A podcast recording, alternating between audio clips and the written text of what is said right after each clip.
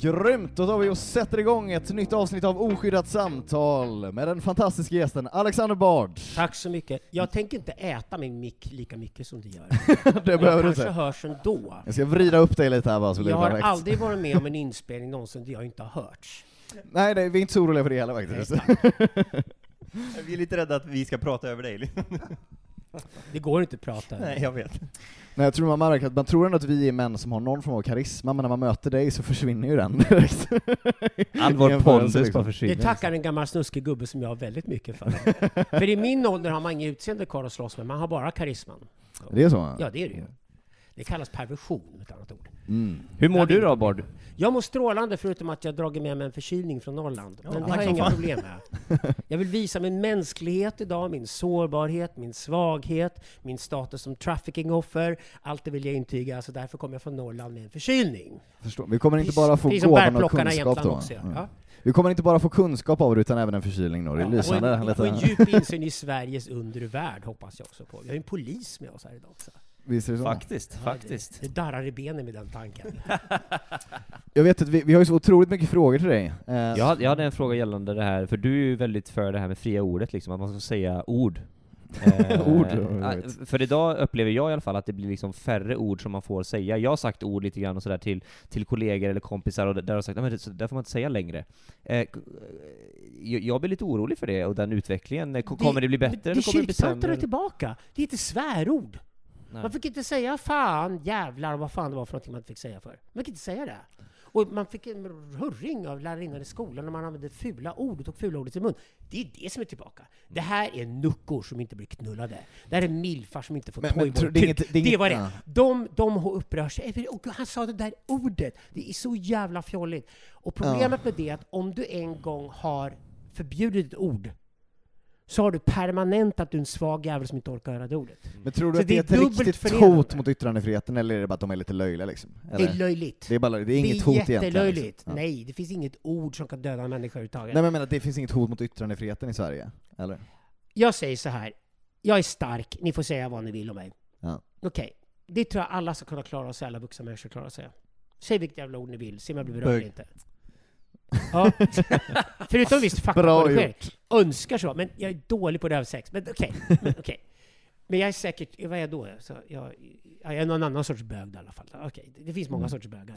Men du är, inte, du är inte orolig över att det ska, kommer bli värre och till slut får man inte säga någonting, eller på att säga det, så? Jo, det kommer bli så tills vi bara skämtar med alltihopa. Det är ni komiker som ska göra det. Ja. Ta de fula orden i mun och driv med dem såklart. Ja. ja. För övrigt... En, eh, en E och sen tror jag det var Gär... Ja. Nej, jag får inte upp det, det. det. Du fick lite Det är skit för så det i, en tacksamt podd. att köra det nu. Liksom. Ja, Så- du fick så ju lite skit för det i en podd. Men, Men komiker ska Ja, få ja, skit ja. från de humorbefriade jävla nykteristerna. Mm. De ska hata er. Om ingen hatar er som komiker, du är så jävla ofarlig så du kan lika gärna köra barnshower på en gång. Ja. Det är dassboken direkt liksom. Ska du skämta för en vuxen blick ska fan folk bli upprörda. Det är väl nummer ett i komik. Nej, jag håller helt med. Det, det är de här två, trickster. två mesiga. Jag försöker säga det till dem också, för de är väldigt så här, snälla i sin humor. Ja. Jag försöker säga det till dem. Ja, Fredrik Andersson är ju rätt så liksom Då blir det barnprogram. kontroversiell. Jag, kör ju med Fredrik på måndag, jag vet inte om jag är, snäll om jag riktigt köper det, men... eh, Nej jag vet inte, Är det på barnprogram du gör eller roar du vuxna Det är lite människor i både. slutna rum?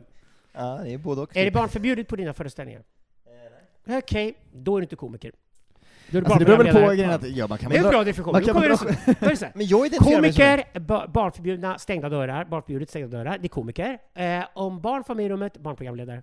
Ja men så, så är det, det håller, jag Ja. håller med. Men, Ja, men det är ja. väl också att det är, så här, det är väl mest att småbarn uppskattar väl inte ett självmordsskämt på samma sätt heller. De gör inte det, det är väl så. Nej, man har ju två sätt att ta sig Ja. runt det. Antingen får småbarn inte vara i rummet, eller också Ja. fattar de inte att kvinnan på, på, på scenen är naken och pullar sig i fittan. Alltså, Ja. Antingen de smiter inte det förbi barnets förståelsevärld, vilket är ett sätt att ta sig runt myndigheter också, som komiker vet.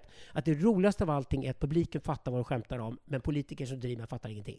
Det är ju bästa skämt som finns. Så att du måste Nivåer. antingen ta det runt, jag pratar ofta i gåtor också, du måste Mm. antingen prata gåtor för att ta det runt så att du når fram till rätt mottagare, Mm. vilket är en konst, det är komiker bra på. Eller också så helt så, vi kan inte ha några barn i det rummet. Det går inte, för att nu kommer det bli grovt jävlar och vi vill inte att barn ska höra det. De får höra det när de är mogna för det.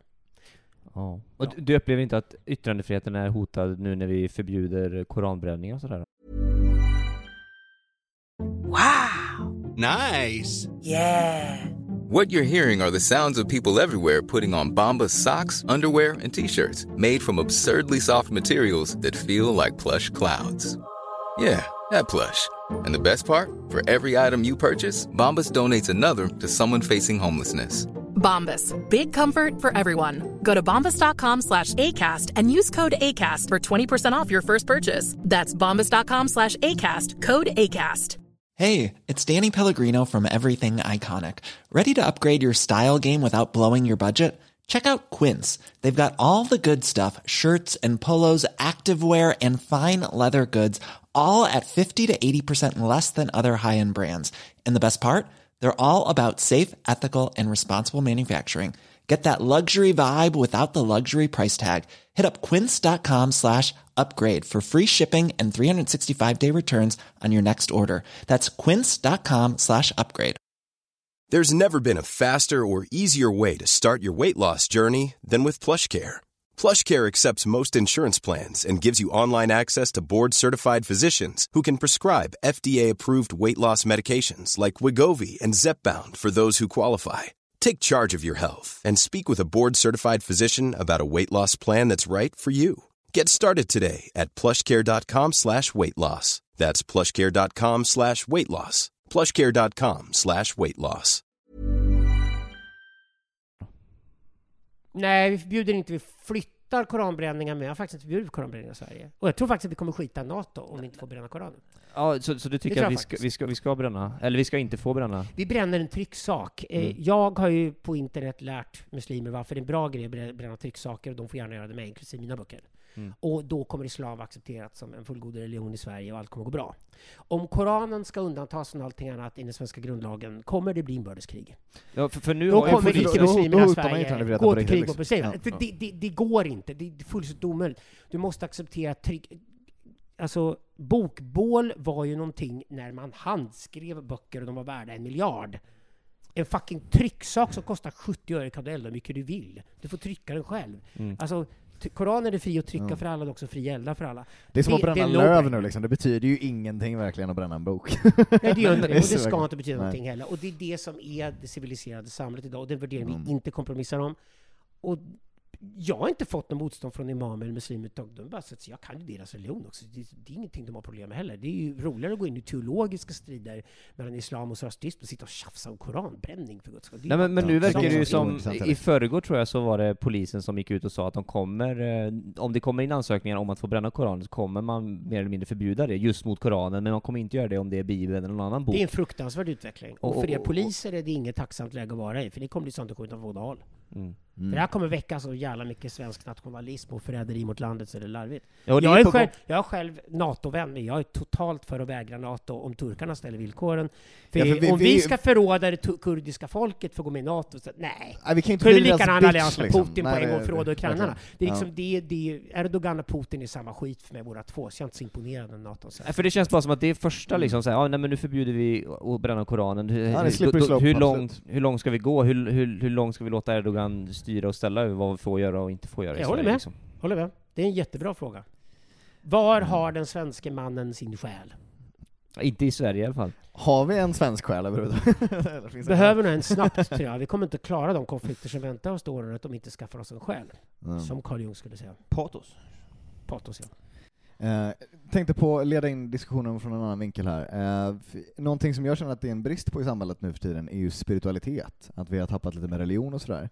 Eh, Vi hade ingen religion till att börja med. hade kanske, nej inte Ja, heller. kristendomen är så jävla dålig så det är gud vad tråkigt. Men ty, tycker du att det finns ett behov av det liksom? Alltså, vad tror du att det gör med människor? Att vi liksom inte Det lever första med ska vi erkänna att de religioner vi har som funkat är nationalismen och kapitalismen. Mm. Det är religioner. Men. Och all, alla tre, både kapitalism, nationalism och kristendom, är judiska uppfinningar. Så kap- kapitalismen är inte så spirituell dock va? Eller? Högsta grad. I högsta grad? Okej. högsta grad. Kapitalismen tvingar dig bestämma vad som är till salu och vad som inte är till salu i ditt liv. Mm. Det är en skitbra, djup andlig fråga. Men Det säger så här, ja. okej, det som är till salu grabben, det är till salu, det är inte andligt. Vad är det som inte är till salu? Har du råd att säga nej till att du någonsin skulle sälja? Mm. Kan jag slänga fram 100 miljarder och du vill behålla din unge eller din fru? Okej? Om du säger nej, jag behåller min fru för 100 miljarder. Okej, andligt. Andligt är precis, det börjar precis där det inte är till salu. Därför är jag intresserad av skillnaden mellan sex och kärlek. Men då undrar jag, jag som utövare av kapitalismen det, då, det, eller vad man ska det, säga. är intresserad Ja. av de, de frågorna, för de frågorna är perfekta för mig som marxist. Perfekta frågor att ställas idag, när internet kommer ställa frågan till oss alla, vad är till salu? Och det är vad kapitalismen gör, så det är visst en andlig process. Men det är det, alltså, om man säljer ut sin integritet så dör någonting andligt i en. Du har ingen integritet, Man har du ingen säljer integritet. den. Man säljer, Men vad är skillnaden på kärlek och sex och varför är du marxist? Därför att jag är intresserad av att skapa det bästa möjliga samhället och ge människan de förutsättningarna. Mitt arbete syftar ju till det, att se är kommunismen möjlig. Okej, kommunismen är långt ifrån möjlig idag. Okej? Då svarar jag det att den inte är möjlig idag. Det vill säga, den kommer hända. Men den kommer hända för en liten utvald elit i gated communities och bara de kommer få vara kommunister. Där är jag marxist. Okay. Så att jag säger, det heter Burning Man och sånt idag. Det är kommunistiskt helt enkelt. Så att kommunistiska projekt pågår redan i världen och de som lever i de världarna har redan nu försäkrat sig om att världen utanför kapitalismen har de vunnit i. Bara då kan det gå vidare. Så du måste gå från kapitalismen till attentionalismen till kommunismen. Du kan inte gå från kapitalismen till socialismen till kommunismen. Där hade Marx fel. Marx hade lite bråttom. Han skulle vänta på internet. Nu börjar vi se horisonten att kommunismen är visst möjligt, men det är volontär. Man väljer man in i den och man måste bli invald för att delta i den. Det här kommer att hända. Det är jag intresserad av, för jag ska ju lära människor hur man blir vinnare. Jag ska bara säga, så här funkar livet. Liksom. Det, det är det prästerliga uppdraget. Hur blir man en vinnare? Det här är vad vi har att göra med. Liksom, så här. så tro inte något annat, och tro inte propagandan där ute eller något sånt där. Det här är hur världen fungerar. Det här är hur män fungerar, det är hur kvinnor fungerar. Det här är varför jag bögar och flator i ett samhälle, och det här är deras roll i samhället. Det här är varför jag har shamaner i ett samhälle som går mellan världar. Därför behöver de... Alltså, är- alla men- men alla de, du sa- roll, som du alla de arketyper som finns, finns ju här av en anledning. Menar du att Burning Man är ett exempel på fungerande kommunism? Ja, Ja, men och varför är det inte applicerbart på stor skala? Om det är därför att det håller i åtta dagar och därför att du måste vara rik för att åka dit. Ja, och, och, och det, så, de förutsättningarna kommer vi aldrig ha här, då fungerar väl inte kommunism Nej, inte för alla. Det är inte säkert alls. Jag tror många Nej. incels i Arboga kommer aldrig råd att åka till Burning Man. De är fucking losers som får skärpa sig. Så, så det, är, det är egentligen alltså ett, de rikas privilegium att ägna sig åt kommunism? Varför skulle något nytt, nytt paradigm någonsin vara någonting annat? Varför skulle ett nytt paradigm vara... Och nu! Det är kristendomens problem. Ja, men nu kommer ett paradigm där de dummaste och fulaste ska styra världen. Ah, men gud vad Jesus lurar Men, alla. men här, tycker du att det är Det är viktigt? största lögnen i Ja. världshistorien. Ja, Men snart kommer himlen, och då kommer ett nytt Jerusalem, ett nytt New York, och det är ännu bättre än dagens New York, och skyskrapor är ännu högre, och änglarna har byggt allt, och allt bara kom från ingenstans, och nu ska alla fula dumma människor Mm. få ligga jättemycket. Nej! Men, men simpel fråga Vilken då. jävla bullshit kristendomen är. Är det Förstår du varför jag viktigt att ta hatar hand om så de mycket? fattiga och svaga i samhället? Vad sa du? Är det viktigt att ta hand om de svaga i samhället, eller ska man låta dem dö? Nej, det är viktigt att ge, Vad ung, tror du? Kan vi... det är viktigt att ge ungarna en chans att bli vuxna. Ja, men... Okej? men- Okej. Okej, om du fortfarande snorunge 23 så är det ditt problem, eller tar vi det laget? Japp. Du borde ju någonstans under resans gång fatta att de andra växer ifrån dig just nu, och de kanske mobbar i plugget av en anledning. Att man är gör en vi alla fucking de här- tönt. Ja, Gör, det är ju gör, vi alla, gör vi alla en björntjänst när vi håller på och ger dem massa bidrag och sådär som vi Ja. håller på med i Sverige? Ja. Ja, det, ja, det håller jag med om. Det heter tutte. Det ger folk bröstmjölk. Liksom. Och vi människor ska ha det fram till ganska exakt ett års Mm. ålder. När tanden växer i käften är det så här, dags själv. att lägga av nu. En tant som är... Du ska börja gilla köttbullar och sill här, liksom. Du ska inte dricka bröstmjölk längre. Och då kommer ungen och töntigt, inte bröst. Och då lär du hata första gången i livet. Det här är kvinnlig psykoanalys. Det är Julia Kristeva. Älskar henne. Det första hatet i livet är hatet mot tutten. Så det mest älskade du hade i ditt liv, mammas tutte. All lycka, allt, allt i himlen, allt. Och man bara suger. Och magiskt från ingenstans kommer mjölk. Magiskt ingenstans kommer champagne. Så här. Och sen fattar ju du att det är inte magiskt. Hon ligger bara här som en fet padda och är gödd av en jävla snubbe som sliter ihjäl sig som heter pappa har kuk och han är dum nog att gå på det här. Vad fan, det är ju förnedrande! Så så här, det där vill jag inte ha längre. Och så, så, här, och så börjar jag titta på den här tutten och så, och så, så här, lär du hata. Och det här är det läskiga med tanter, när man får lära sånt här. När du tänker efter riktigt noga, så om du har haft en jävligt nice morsa, jag hade det, jag har det, så här, då har du en tjej som liknar henne, ja, ja, okej. Men tutten är inte likadan. du, du kan liksom inte... Den, den, den, den där tutten morsan hade, är, nej, det är för mycket hallonbåten, någonting. Det är såhär, nej! Inte den, inte den. Gärna, gärna formerna, men inte den. Det är något fel med det där objektet, det heter objekt. Okej? Och då lär vi oss hata, och det är jätteviktigt, för när vi har till exempel en förrädare bland oss, som vi ska gå till krig mot Putin och sådär, Då vill vi inte vi ha en förrädare bland oss. Och det kallas objektifiering. Vi måste kanske då och då titta oss omkring och säga, är verkligen alla med på tåget här? Är det någon här som sitter egentligen och läcker information till Putin och är förrädare? Då måste jag objektifiera honom och döda honom på en gång. Boom, nu dör det liksom, för du är förrädaren. Objektifiering måste vi människor ha. Vi kan inte jaga, vi kan inte kriga och tjejer kan inte överleva skvaller om man inte lär sig objektifiera. Så man måste kunna objektifiera, måste kunna lära sig att det där ska inte jag ha på min kropp. Den, där, den där spindeln ska inte sitta där. Den där ormen ska inte slira där just nu. Döda! Liksom så här. Och det måste vi kunna göra. Och det första vi lär oss hata i livet är alltså mammas tutte. Och det är därför att vända tillbaka folk till en tutte är så jävla förnedrande. Och det är ungefär som invandrare som kommer till Sverige och berättar om hur de fick bidragsberoendet. Och först var det motstånd, och sen släppte de det, och sen gav de upp. Och sen ringde släktingarna i Afghanistan och Eritrea och sa jättebra att ni får pengar. Och då hade de redan en story om att de hade jobb, tjusiga jobb och tjusiga kåkar hemma i Sverige. Så då var bidragskanalen där de körde. Men förnedringen ligger ju kvar i botten hela tiden. Det är fruktansvärt förnedrande för en vuxen människa att ta emot bröstmjölk. Det är liksom fundamentalt för civilisation måste vara den principen. Och det är vi godtrogna, naiva svenskar inte fattat. Liksom. Vi borde strypa bidragen så att de skaffar sig ett jobb och kammar sig i håret och tar tag i livet. Ja, precis. Exakt. Då har vi löst problemet. Det är där problemet ligger. Så det, ja okej. Just det, just det, just det. För att så länge man har möjligheten att välja tutten så kommer man göra det liksom. Så länge du har möjlighet att lumpen som kille, Mm. så har vi räddningsplanka. För om du inte kommer på något sätt hur du ska kunna försörja dig alltså få en, en roll för andra killar tar livet av sig om de inte hittar meaning and purpose. Liksom. Mm. Då gör det och ska göra det också. Så, att, så att om, om du kommer till lumpen så är det så här, alla andra killar klagar för att man tar ifrån dem ett år och de måste göra lumpen. Du tycker bara det är jätteskönt, för äntligen, du går upp i Sverige och du kan göra för Sverige, och så får du gärna ett fucking jobb i lumpen och säger så Mm. här, men jag har ju en betydelse. Om inte annat, min kropp är kanonmat, vad som helst. Har roll. Det är så jävla viktigt för manligt självförtroende.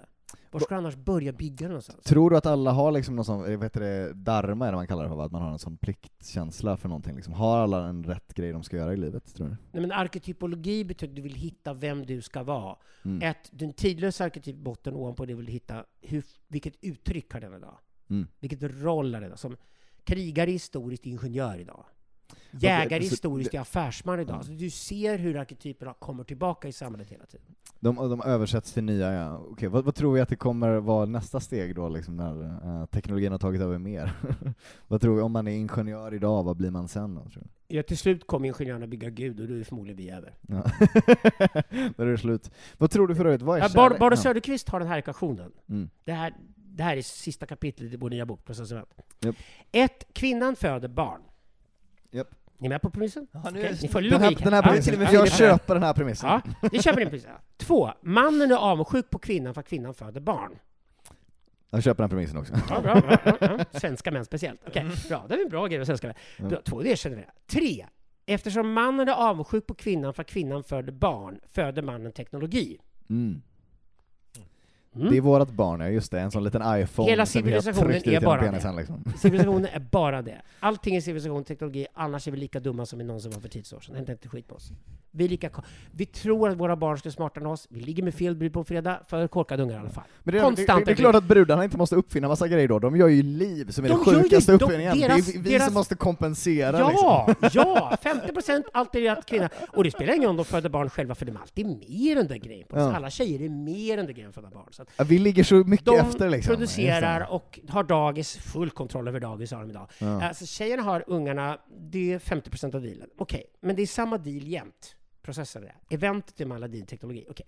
Nästa premiss då, det är eftersom teknologin utvecklas över tid medan barn inte utvecklas under lika korkad generation betyder det att fem sista premissen, teknologin kommer förr eller senare döda barnet. Mm. Det vill säga en dag kommer vi tycka att mannens teknologi är nog bättre än ungar. AI kommer verkligen Det är då vi hämnas på tjejerna så här. Mm. Nu har vi byggt en drönarrobotköttmassa som är så jävla mycket ballare än en jävla Ja, vad kan din ungjävel bebis till. göra? hä? Mm, Så just bebis det. är chansning dessutom. Det kan bli en korkad, Bebisen ful, jävla bitter incel. kristaller. Nej, jag kör på det här. Mm. Då är mänskligheten över. Det- Så det- slutar Bardo Söderqvist sin filosofi. Men är vi inte överbefolkade då? Är inte det... Nej, det är väl Är det inte dit vi behöver gå då kanske? Ja, varför inte? Du ser, du börjar vänja vid tanken att vad ska vi vara kvar här för? Eller så här. Det är en enkel tankelek. Vi säger också så här, vi kommer aldrig åka ut i världsrymden. För Mm. så pass snabbt kommer maskinell eller teknologisk intelligens utvecklas att den symbiotiska intelligensen, maskin och människor, kommer kunna ta hand om världsrymden. Vi kommer garanterat skicka AI i världsrymden. Så AI och bakterier ut i världsrymden, kolonisera världsrymden, det kommer ske, men inte vi. Elon Musk kommer aldrig få åka till Mars. Mitt svar är hörde om hans plan att åka till Mars. Du kan åka till Sibirien, det ligger närmare, det är varmare, det finns ingen där. Ta det! Alltså alla, det finns bara någon nersupen ryss, du kan ta det nu. Liksom, det är bättre än Mars. Vad, vad ska människokroppar ut i rymden för? De blir galna efter tre dagar. Vi är inte gjorda för det. Så jag tror att AI kommer ta hand om världsrymden och vi kommer bli tvungna att stanna på planeten. Och det är där mäns hybris idag måste avslöjas. Att, att män som vill åka ut i rymden, titta på dem. Richard Branson säger Nej, ocoolt är han nu. De ocoola snubbarna som inte får ligga med andra ord. Det är de som ska ut i rymden hela tiden. De som får ligga vill inte ut i rymden, de vill bara ligga. Eller? Men Har du någon åsikt om en, en polis eh, på sociala medier? Eh, Som eh, får kritik ibland för Nej, men att jag det vill inte höra- skulle vara bra, men... Nej, men jag vill höra den frågan. Hur upplever du det ut, ut på fält? För nu, polis jag pratar med klagar på en stor omorganisering som gjordes på 2010-talet som har rört till det för dem. Det är det första de berättar. Och de är skitförbannade. Och det sitter kloka kärringar och gubbar som är poliser och säger framför mig vi kunde fatta snabba beslut lokalt och hindra massor med saker för att nu är det bara blivit en byråkrati som, man inte, som inte överskådar. Upplever du det också i polisyrket? Ja, nej, det, det, det, ledningen är ju totalt kaos liksom. Det finns ju, det tar ju all, det tar tid att göra allt liksom. Då stärker det min tes att då måste du också, parallellt med det jag pratar om nu, som att riva undan mattan på kriminaliteten, så måste du också dessutom fatta att just nu polisen kraftigt försvagad i Sverige. Absolut. Slänga in fler snutar bara spotta från ingenstans kommer inte lösa det problemet. Nej, nej. nej men det är det som du var inne på lite grann, det, det, det skrevs en artikel igår tror jag utav en polis som också skrev att han slutade i samma mening där att vi, vi kommer inte kunna lösa det här. Nej. Med, det sättet vi håller på just nu i alla fall. Det går inte. Det, Förstår det liksom, du det då funkar vad jag inte. säger då, om jag säger lite provocerande, för någon edge ska vi ha den här podcasten då. Mm. Heja gängen! Och då menar inte jag att jag inte är på poliserna. Jag menar helt enkelt, heja gängen, då menar jag verkligen politikerna måste fan ta sitt ansvar nu och fatta vad vi står inför helt enkelt. Dels att polisen på riktigt kan bli starkare, och det ska självklart det som polisen brottas så jävla mycket med idag, som till exempel gängkriminaliteten som är så utbredd i Sverige och blir värre hela tiden. Den måste man, det första man gör med en fiende i alla strategispel, riv undan mattan på fienden, se till att de inte har någonting som göder dem. Mm. Ge dem inte fan en gratis marknad på 30 miljarder med en ganska ofarlig vara som heter hampa. Det är här, ja, killar blir sega i huvudet om de röker Mm. på mycket, men det kan vara bra att de blir sega i huvudet. Ingen blir våldsam mot en brud i alla fall när det röker på, till skillnad från sprit. Alltså, Det är lite för mycket dumma tankar ändå är som rullar. hampan det problemet som svenskarna har hakat upp sig på, finns ju inte en chans att klara de utmaningar Sverige står inför. Det är väl Mm. det lättaste att fatta av allting, tycker jag då. Men, eh, Ja, och, sen står det ju liksom, det är 12 12-åringar och 13-åringar som står i kö idag för, för att få skjuta någon annan. De vill ju gärna skjuta någon annan liksom. Och, och någonstans måste man ju ta, börja där någonstans. Varför har vi 12-åringar och 13-åringar som står i kö för att vilja skjuta andra? Liksom? Därför att om du inte har en farsa som står till nu liten, så kommer du leta efter seriefigurer och andra rollfigurer. För alla killar letar rollfigurer. Okej? Och sen kommer du, Mm. när du är 11 år gammal, se en gängledare. Vad har du för andra bilder som du identifierar dig med? Brist på fadersfigur är problemet alltså. Mm. Arketypologin Mm. måste börja tillämpas. här. Du har helt rätt, jag håller med dig. Nej men, och du har väl rätt liksom att, i att eh, folk kommer ju knarka oavsett om det är lagligt eller inte. Och Ja. det, det, så det, det spelar liksom, det finns liksom inte ingen roll. en enda partyknarkare i Sverige som får dåligt samvete för att Ulf Kristersson står och säger med darrande stämma i TV om partyknarkare ändå tog sitt ansvar och inte köpte sitt partyknark. Men snälla Ja, du, det är om du, verkligen lega- ingen som om du legaliserar istället så kan de köpa knarket på, på Systembolaget så är problemet löst. Partyknarkarna har bett om det i 30 år så här. Ja, Mm. vi tar vårt knark. Okej, kan vi få ta det och veta vad vi tar helst också? Ytterligare ett problem löst. Så vore det fan så mycket lättare. Det, det, det, Ulf Kristerssons fåfänga och storhetsvansinne när han står och säger till partyknarkaren Ja, det är partyknarkare. Det är så här, Nej, det är ditt fel. Men tror du inte det att är det du kommer som bli... politiker som skapat en miljö som ska... Så, alltså, det är det som är problemet. Du tror inte Mm. att det kommer bli lagligt då? Det känns som att det blir lagligt i fler och fler länder nu. Ja, det gör det. Och Sverige bara...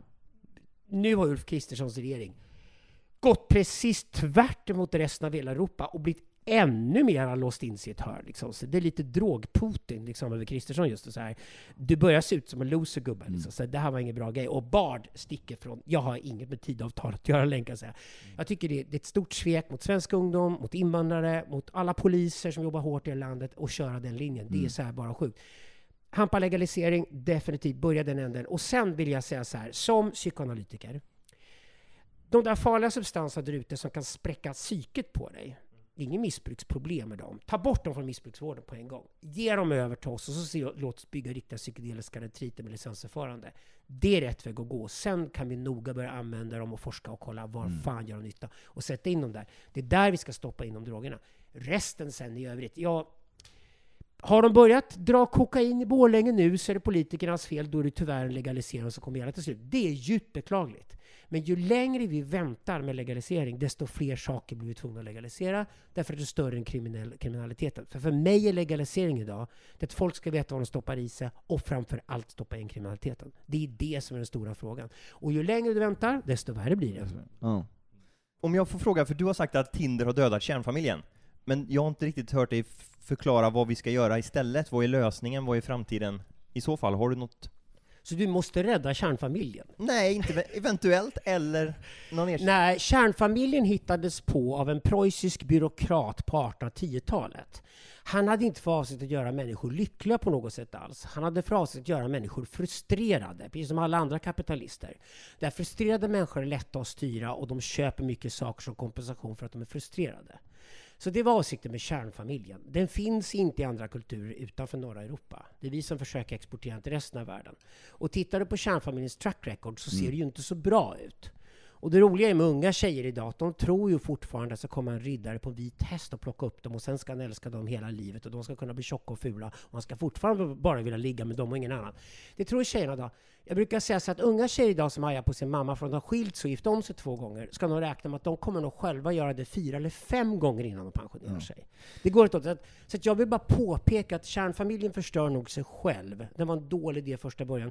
Därför jag tror inte att ensam är stark. Jag tror inte två är stark heller. Jag tror på större konstellationer. Men i förlängningen då, då tror du inte på monogami heller, antar jag? Absolut inte. Jag vet inte Nej. ens vad det ordet betyder. Det gör inte min tjej heller. Så det är jättebra. Vi har aldrig haft några problem med den sorten. Snarare så här så att, vad gjorde du förra helgen då? Jag var ute och festade och låg runt en massa folk. Så här, Åh, vad trevligt! Var det keruber och dvärgar där också? Det hade, Det är min inställning till sexualitet. Ja, men det hade så min kan ju börja med det. Men, men Ja, det, eller det, det är väl naturligt Det är en att riktigt bra tjej som gillar det också. d- d- den sexuella njutningen, klart att den blir större om man har fler partners, eller troligtvis, och att det är härligare, men är det inte någonting som eventuellt går förlorat? Eh, Om, Ja, du menar att man ska slita och kämpa för att hålla igång intresse för något som är förbrukat? Ja, nej, jag, Jag har inget problem med engångsvaror. Inget alls. Jag förstår inte varför man måste återanvända samma jävla kruka varenda gång. Man kan ju bli trött på den och vilja prova någonting annat. Och det kan ju faktiskt säga att man också kan, kan vara ganska tröttsam för sin partner. Så, nej, jag brukar säga att det kommer till en viss punkt där man måste spice upp sitt förhållande. Och de flesta är misstaget att de föder en massa barn och så får de fullt upp med blöjberg och sen orkar de inte tänka på den andra blöjberget och så blir de tjocka och fula och gamla i förtid.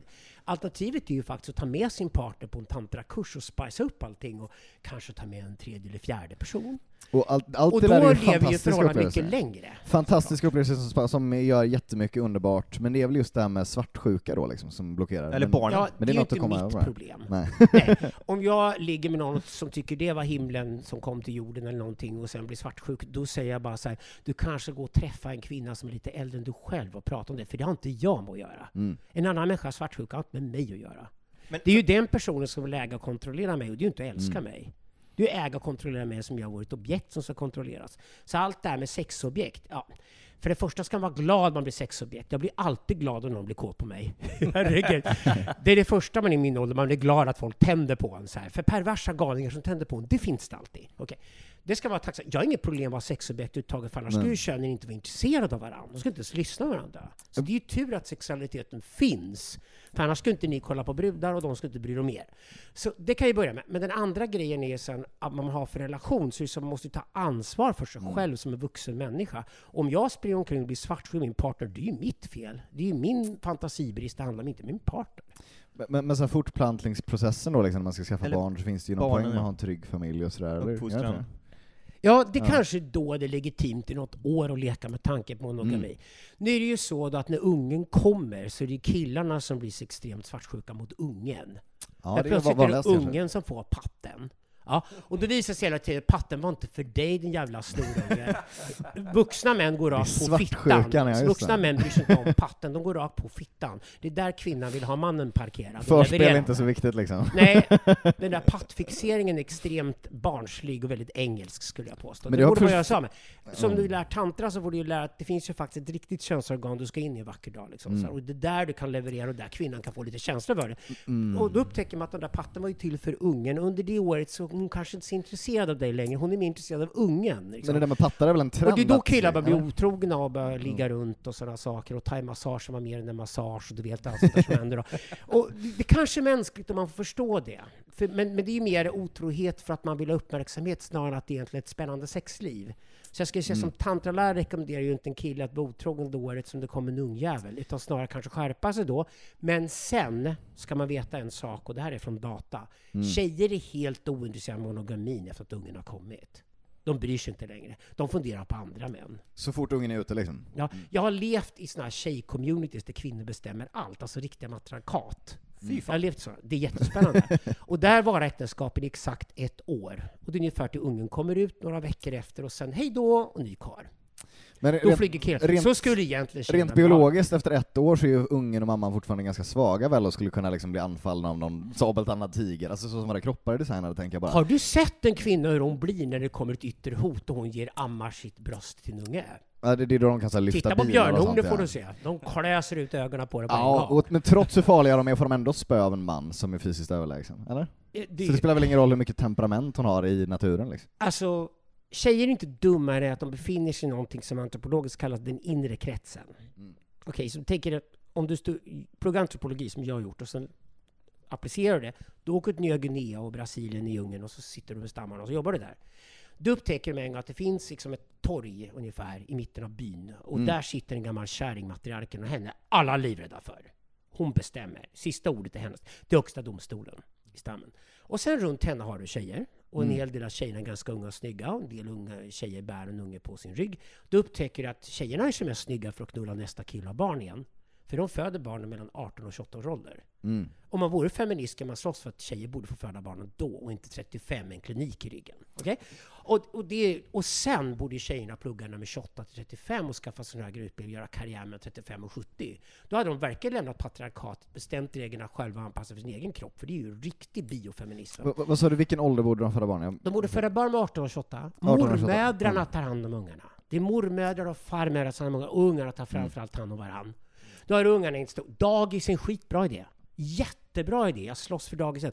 För det är egentligen bara en återgång till någonting som funkar i varenda stam jag sett. Ungarna ska vara en stor hög, killar och tjejer med varandra, och så leker de doktor och sånt där, och så får de hålla på med det. Och sen när de kommer upp på tonåren, då tycker killarna att det är skämmigt att vara med tjejerna och kvinnorna. Och då får killarna göra mandomsprovet. Och då får de flytta över till männens sida, och de får lära sig gå i skogen och jaga, och så får de lära sig vara män. Jag tänkte bara, är det Och sen får männen, de får inte ligga förrän de är 28. De ligger mellan 28 och 40. Det är då som deras tid är. Det är porrunk innan Det är verkligen det. 28 till 40 ligger männen, därför är männen äldre Mm. än kvinnor. Varför då? Varför tror ni att männen är äldre innan de får ligga? Innan matriarken får Men det är ligga? då de har Det förskaffat sig resurser och annat som Just det. status som... Just det. Och är Först naturligt ut i ett intressanta, Gäng. liksom. Det är därför det Mm. här med gäng är så intressant och poliser är bra idag. Mm. Gäng är fem snubbar. Gäng är fem unga snubbar ihop och de måste först ut i vildmarken och visa att de kan överleva. Och fem är de för det är Mm. ojämnt tal för att kunna fatta majoritetsbeslut. Okej, så de åker ut fem i djungeln och sen kommer de tillbaka och visar att de kan klara sig. De har överlevt. Och då säger Mm. Snyggt gjort jobbar. Nu måste ni ut i djungeln och släpa hem något. För kommer ni inte hem med någon jävla fucking dovhjort eller ett vildsvin här, är inga mina tjejer tillgängliga. Det blir ingen ritual, ni får inte ligga. Får de äldre snubbarna ligga. Och det är det som gör att killarna ligger i stammarna mellan 28 och 40 års ålder. För de har testat vad de går för. Och det är det som heter provision och Så det protection. bo, killar borde inte få ligga överhuvudtaget innan den åldern? Finns det inte Jag risk att man blir väldigt rätt. En kille som inte parkerar en stor röd Lamborghini utanför hennes dörr Ja. och kommer in och visar att han har provision, han har pengar i bankboken och är protective, det vill säga jag skyddar dig. Kommer en annan snubbe farande och jävlar slå ihjäl dem, för nu ska jag ta hand om dig. Det är ju det som tänder tjejerna. Det här är så djupa det- det- biologiska signaler, så en det ska grej, man ju absolut. leka med och inte slåss med. Men det finns väl fler statusfaktorer än det, alltså folk som är väldigt roliga eller folk som är väldigt attraktiva, så det finns ju resurser där är väl ändå Du sa det roliga liksom. före snygg här. Jag Ja, det, det jag tänker Vet jag vad? Vet, vad? Vet du vad? Unga tjejer bryr sig inte så jävla mycket. Det finns däremot en Mm. annan stor sexmarknad som Tinder upptäckt. Mm. Är milfar. Jag har också upptäckt det. Ja, okej, när tjejerna är lite skakiga nu för tiden så där, och tjejer kan ju påstå lite vad som helst och killarna kan åka in, för det är ju vad som har hänt senaste åren. Jag har ju varit kritisk mot det och sagt att vi får jävligt många sexbrottslingar dömda idag som vi inte skulle säga gjorde våldtäkt för tio år sedan. Jo, vi hörde våldtäkt- det när du var i eh, sista måltiden där. Ja, ja. Ja. men det är så. Jag skulle säga att killarna själva, det första du gör om du blir inlåst att du läser domstolsprotokoll, läser juridik, för det får du alltid läsa om du sitter inne. Okej. En tredjedel av killarna sitter inne är riktiga våldtäktsmän som vi gärna skulle slita huvudet av. För det gör vi killar.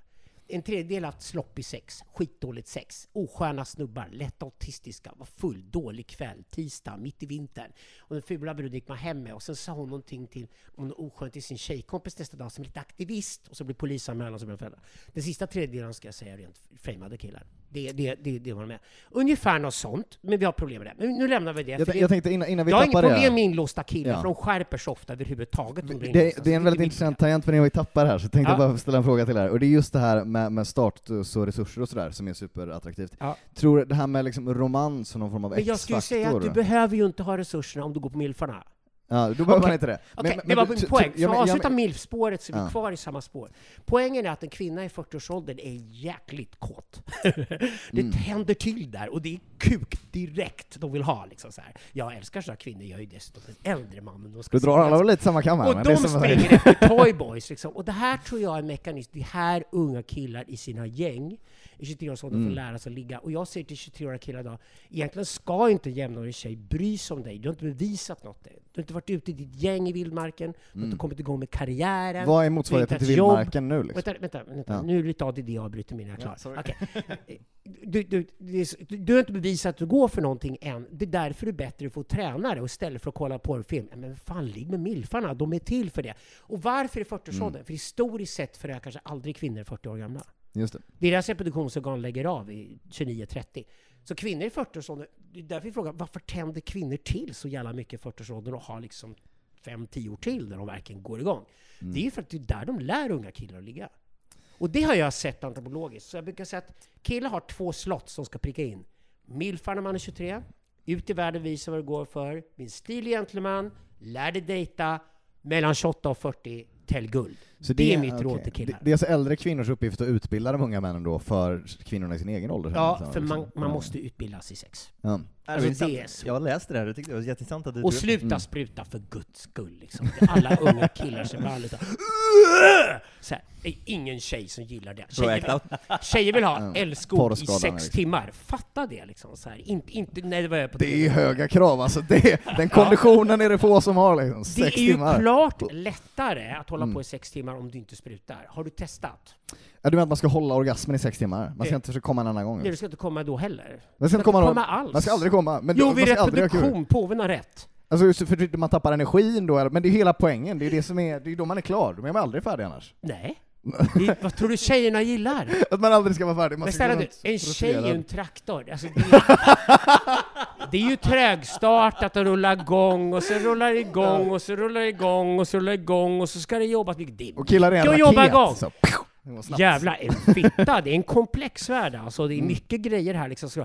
Men när du rullat igång det här maskineriet och det här maskineriet inte får nog och, inte, och det inte kan ta slut och hon plötsligt ligger och skriker att hon vill ha tre killar till och det ska bli gang med grejerna. Då har du börjat leverera. Kommer du inte dit, då har du fan inte lärt dig någonting än.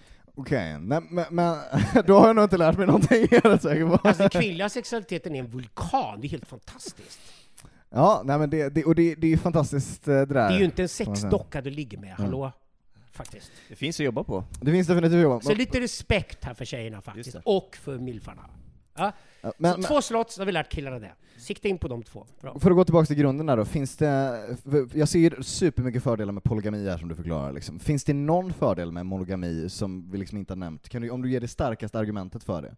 Om du bor ensam i ett torp i skogen och din partner råkar vara en brud och det är 800 mil till närmaste hus, så kanske monogami några veckor kunde vara intressant innan du ger dig på en dovhjort. Liksom. Men Mm monogami finns inte, i alla fall inte bland män. Så det är liksom, det är bara teater. Men dagis ersätter monogami, det funkar? Är det det Det är menar? ingen som lever monogamt. An, an, antingen är du otrogen bakom din tjejs rygg eller också tar du med henne på spännande sexklubbar. Det är vad som händer, tro mig. Men jag tänker på Jag är gammal nog att inte tro på en enda kille. Och sitter någon och påstår monogam, Mm. tittar på mig och säger du fan ingen val. Om du får en brud överhuvudtaget ska du vara glad, för du är så jävla ful och tråkig. Så du kan ju sitta där och låtsas som monogam eller pingstvän. Men det är ju just den det, det, är ju grejen. ingen, det är ingen som vill ligga med dig. Så att du måste ju fråga en snygg snubbe med en fet balle som alla brudarna vill ha, en stor Lamborghini. Om han är monogam? Monogam. Nej, det är han ju aldrig. Det är ju det, du måste ha den, du måste ha det måttet att Men, mäta. men det, det, det som Jordan Peterson brukar dra som argument, att det är bra för sammanlet, för att problemet är att det är liksom de Nej, men snyggaste Jordan männen får ligga Peterson med alla är andra. inte en liksom. sexgud. Titta Nej, på det, honom. han, han får ju aldrig ligga. Det fattar Hans fru är 100%. toppen, okej. Han- Hon är jättehärlig. Ja. Hans, hans dotter är galen, men väldigt, väldigt sexig. Men Jordan själv är... Jordan, jag känner Jordan. Jordan är ju bara en jättenördig collegeprofessor som liksom, du vet, håller så här mellan benen. Och, Han har ju aldrig fått leva ut sin sexuella han fantasi. aldrig fått, liksom. Jag tycker ni Ja. ska fråga mig och inte Jordan Peterson om sex. Alltså, ni ska ju fråga någon som har ett sexliv till att börja med, hur man får ett bra sexliv. Nej, Ungefär men- du frågar ju ja. inte någon om bilar när de parkerar en Trabant utanför, För- du frågar någon om bilar när de parkerar en Lamborghini, eller hur? Så är det. Hur har du lärt dig allt om sex?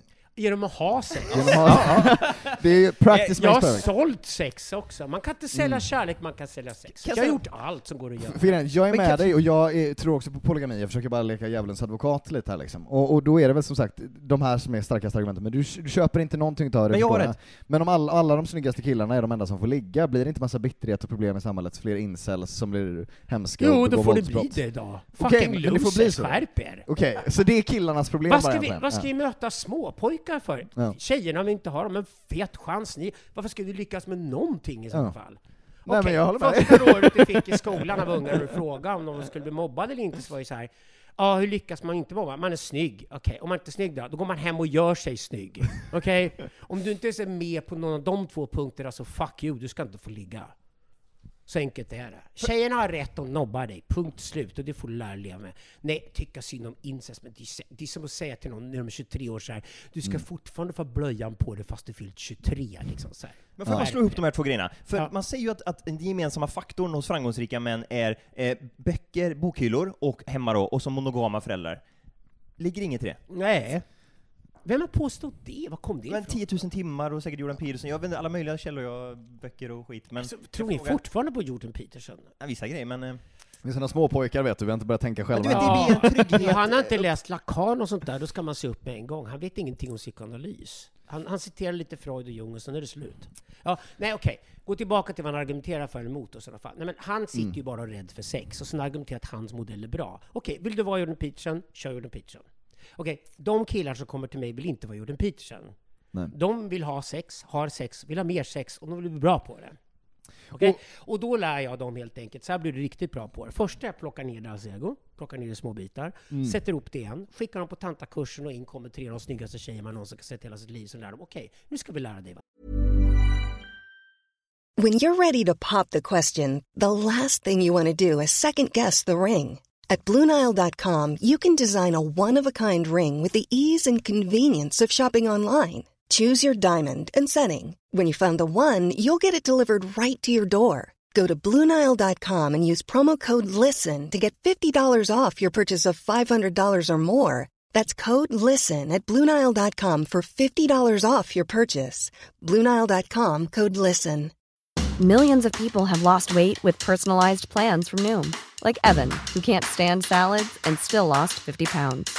Salads, generally, for most people, are the easy button, right? For me, that wasn't an option. I never really was a salad guy. That's just not who I am. But Noom worked for me. Get your personalized plan today at Noom.com. Real Noom user compensated to provide their story. In four weeks, the typical Noom user can expect to lose one to two pounds per week. Individual results may vary. sex är för någonting. Men- det är mina tantraskolor. Och det där är ju toppen, men bara som samhällsproblem då. Skit i insatsen, ingen ska tycka synd om dem, men de är ju ett problem i samhället ändå eller? Hur, löser vi problemet? Är losers ett problem i samhället? Ja, men att de blir fler, att det blir fler losers hela tiden. Det är inga krig så de dör det har alltid Liksom. varit 30% av alla grabbar som är losers. Men, men de dör inte längre för inga krig. De går inte ut och skjuter ihjäl varandra liksom. Och det är problemet, överbefolkning med losers kanske. De kan ju gå till något jobb i alla fall och göra något jobb och så kanske de hittar någon tjej som också hamnar på efterkälken. För tjejerna kanske drömmer lite väl mycket när de är 20 med. Mm. Sen blir folk lite desillusionerade. Vi vet från sociologi vet jag, det är första regeln i sociologi, att om du frågar en 17-åring vad de ska göra med sin framtid, så drömmer de vilt. De berättar alltså bara om maktstrukturen i samhället de lever i. Därför testar du det på 17-åringar. Var är makten? Alla 17-åringar vill göra media. Okej, alltså ligger makten i media. Det är därför 17-åringar drömmer om makt. Okej, men 23-åringar, de har ju blivit desillusionerade. De är ju så här att, ja det är jättebra att gå ekonomisk linje här i Eskilstuna och sen få ett jobb i Arboga, för det är det bästa man kan göra med sitt liv. Då har de blivit realistiska. Så mellan 17 och 23 rasar många illusioner. Och då kanske man ska vänta då till tjejernas illusioner också rasar och kanske ställ dig utanför psykakuten och plocka en brud som kommit ut därifrån med sitt holopranburk. Hon får inte Sänka ligga kraven mycket. är det viktigaste. Det är Liksom. mycket Ja. större chans att få ligga i den miljön än att sikta in sig på en fotomodell när du själv bara sitter och incelrunkar. Liksom. Så att, Mm. jag menar, du får ju ställa in dina ambitioner och dina krav efter vad du kan komma till skott lite grann. Och sen kan väl alla lite söta killar leka Vad- vad lite beror det fumliga på att folk och är skaffa sig en milf, tycker jag. Det är väl Men, bra. men vad, vad beror det på att de tror, om man är någon sån incel, att man kan få ligga med någon sån jättesnygg tjej? Varför tror man det? Men de liksom? tar väl inget eget ansvar? Ja. Eller för, för mig låter det som Ja. att de inte tar boken, Digital ansvar. libido, svarar ju på den frågan. Den, svarar på den säger att vi har Mm. infantiliserat hela vår kultur. Där är Jordan Peterson överens. Problemet Mm. med vår kultur är att vi har gjort alla till barnungar, vi har förlängt dagis, så att skolan är ett dagis. Så Mm. man kommer aldrig till en process där man blir adultifierad. Det är ett ord som Jordan använder och refererar till mig. Det är ett, ett, jag tycker det är de bästa koncepten av Alexander Bard, det är adultification. Mm. Det vill säga, adultify the world är en gemensam grej Jordan och jag kör. Det vill säga att världen måste igen bli vuxen. Vid viss ålder måste du faktiskt ha nått vissa mål. Du måste ha nått vissa mål när du är 13. Du måste ha nått vissa mål när du är 20. Du måste ha nått vissa mål när du är 25. Och den första signalen på att du når de här målen att ett, ingen betalar dig för att du sitter och drömmer och två, inga tjejer vill ligga med dig. Det betyder helt enkelt att får du inget jobb och ingen tjej vill ligga med dig, två skrikande signaler som säger att du är fucking loser. Och det första måste du kolla på då, vad du missat för mål som du borde uppfyllt fram till den ålder där du är. Hur- för där vad- ligger ja, förklaringen. Vad ska man göra åt det liksom, om, om samhället infantiliserar? Man lär ungarna mer och mer helt enkelt hur verkligheten fungerar om man gör det tidigare. Man skyddar dem inte. Och det måste ha fler män runt barn för att kunna tala om. Och då menar inte jag sneaky fuckers som är svenska män som springer omkring och är kvinnor i manskroppar. Utan jag menar män. Eh, man går in och säger till barnen, okej, din mamma gav dig villkorslös kärlek. Det är den första stora kärleken. Matrikala kärleken. Liksom, det är bröstet när man är liten. Det är barnmorskan som möter dig med ett leende när du föds. Det, det är grunden i att det finns en kvinnlig moderlig kärlek där i botten. För alla framgångsrika män har haft en bra mammarelation. Det är nummer ett. Ovanpå det kommer den falliska blicken in senare. Och det är ju någon man som kommer in utifrån. Det vill säga fadersfiguren, eller snarare farfar, någon man som har framgång i livet, som kommer och tittar på honom. Det är klart att han älskar honom och vill en väl, men vad han gör är att han först tittar på världen. Sen tittar han, tittar han på dig och sen du ska inte tro så mycket om dig själv, ärligt talat grabben. Nu ska jag lära dig någonting för ditt eget bästa. Det här är vad du borde fokusera på, inte det där. Och det mötet är så oerhört jävla viktigt. Det måste komma inom tonåren. Och det är där vi fallerar i vår kultur idag. Jag, tror, jag, jag är för... Dagis kan gärna bara vara kvinnor. Jag har inget problem alls med miljöer som bara kvinnor och bara män är bra på. Det är. Men du måste få den falliska blicken som kille eller tjej. Någonstans där under barndomen, innan liksom biologin sätter igång, tonåren kommer, så du har fått den här känslan att någon tittar i ögonen. Och jag märker att killar är så jävla hungriga på att få den där falliska blicken. Och deras pappa inte fanns där och det fallerat och vuxit upp en hårt slitande ensamstående morsa. De är desperata att få den där falliska blicken. Det är domaren som tittar på dem och säger Nej men du, du följer inte reglerna här. Det, det kommer inte gå. Eller du, du har inte sett dig själv i spegeln och sett vad du är bra på. Eller du har inte lyssnat in vad du ska göra med ditt liv. Utan du drömmer om helt galna saker som aldrig kommer hända. Och det är det den falska blicken ska ge killar. Eh, för, för att återknyta till det som vi pratade lite om innan här, om just med de här eh, ritualerna, att man går ut och bevisar sig i djungeln och sådär liksom. Eh, det finns ju ett problem generellt sett att det inte finns något riktigt mandomsprov nu i samhället liksom. Får man väl ändå säga. Hur skulle, vad skulle man kunna presentera för alternativt mandomsprov i ett modernt samhälle liksom? Vi bygger ju en mansrörelse i hela Europa idag. Vi Ja. jobbar i många länder och det bästa i Östeuropa, Tjeckien och Polen, det är ofta farsan och tonårssonen som åker tillsammans på camping Mm. och en, borta en hel sommar, det är kajakpaddling och sånt där. Och farsan och sonen är ihop. Och där har vi ceremonier där farsan förklarar till sin son varför han älskar honom inför de andra grabbarna. Och sen får alla killar gå upp och göra ett riktigt svettigt test och bevisa för farsan och de andra männen att de är redo att bli män. Och sen är de intagna. Och det är precis som det funkar i alla stammar jag studerat. Det här är skitbra för killarna. men det skapar en riktigt sund relation mellan farsan och sonen. Men skulle vi inte haft eh, obligatorisk värnplikt? Jo, jättestor. Värnplikt Jag var mot den när den avskaffades. liksom. Det Ja. här är att fullständigt missa poängen. Värnplikten är dels att försvara Sverige Mm. mot yttre hot. Det är det ena. Och få alla att känna att Sverige är värt att försvara. Ah. Det är ju det du gör. Dessutom tar du bort ett år av frihet från människor och tvingar på dem att nu lyder du någonting som är större än dig. Det är Sverige.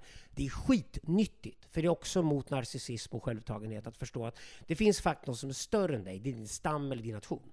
Det är större än vad du är. Det är jätteviktigt för killar, för annars kan de inte tro att det finns något större än de själva överhuvudtaget. Då finns det inte äldre män som de också måste underordna sig. Vi måste lära oss underordna oss rätt saker i livet, även om vi ifrågasätter det. Annars funkar inte ett samhälle. Därför är det skitviktigt med värnplikt. Det är skitviktigt att sno ett år av ditt liv och du får lära dig att det här är en viktig grej. Det heter nationen. Vi håller ihop för att vi pratar svenska, vi har territorium vi vill att försvara. Och det här är våra principer för att göra det. Och här är det, då lägger du grunden. Och dessutom, när jag, jag tillhörde en generation man fortfarande gjorde lumpen. Och här var det bästa med lumpen. Precis de killarna som fallerade när de var 18-19, som ramlade igenom, inte klarade gymnasiet, lumpen räddade dem. Fixa till dem, gjorde dem till karar, du vet, gjorde Peachen-grejen. De kom hem med strukna skjortor, var lite stiliga alltihop. Och sen klev de in på Stadshotellet efter lumpen och fick tjejer. Och hade ett jobb.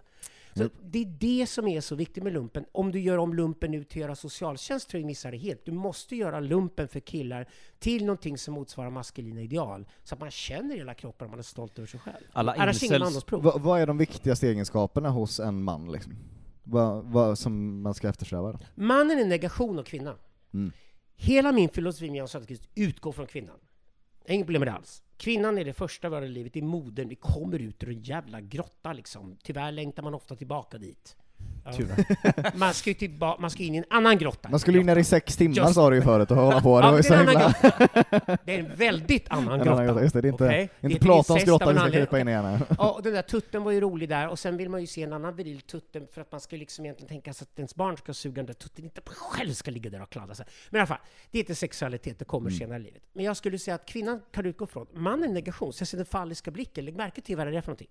Det första är den matrikala blicken. Den villkorslösa kärleken. Mm. Okej, mamma släpper aldrig dig ifrån dig. Problemet med mamma är att mamma ger alla guldmedalj när man åker skidor. Okej, och till slut man tokig på att alla får Participation guldmedalj. medals. För han losern som kom bakom mig och insen som inga tjejer vill ha får också guldmedalj. Tyvärr, kvinnor ger guldmedalj till alla.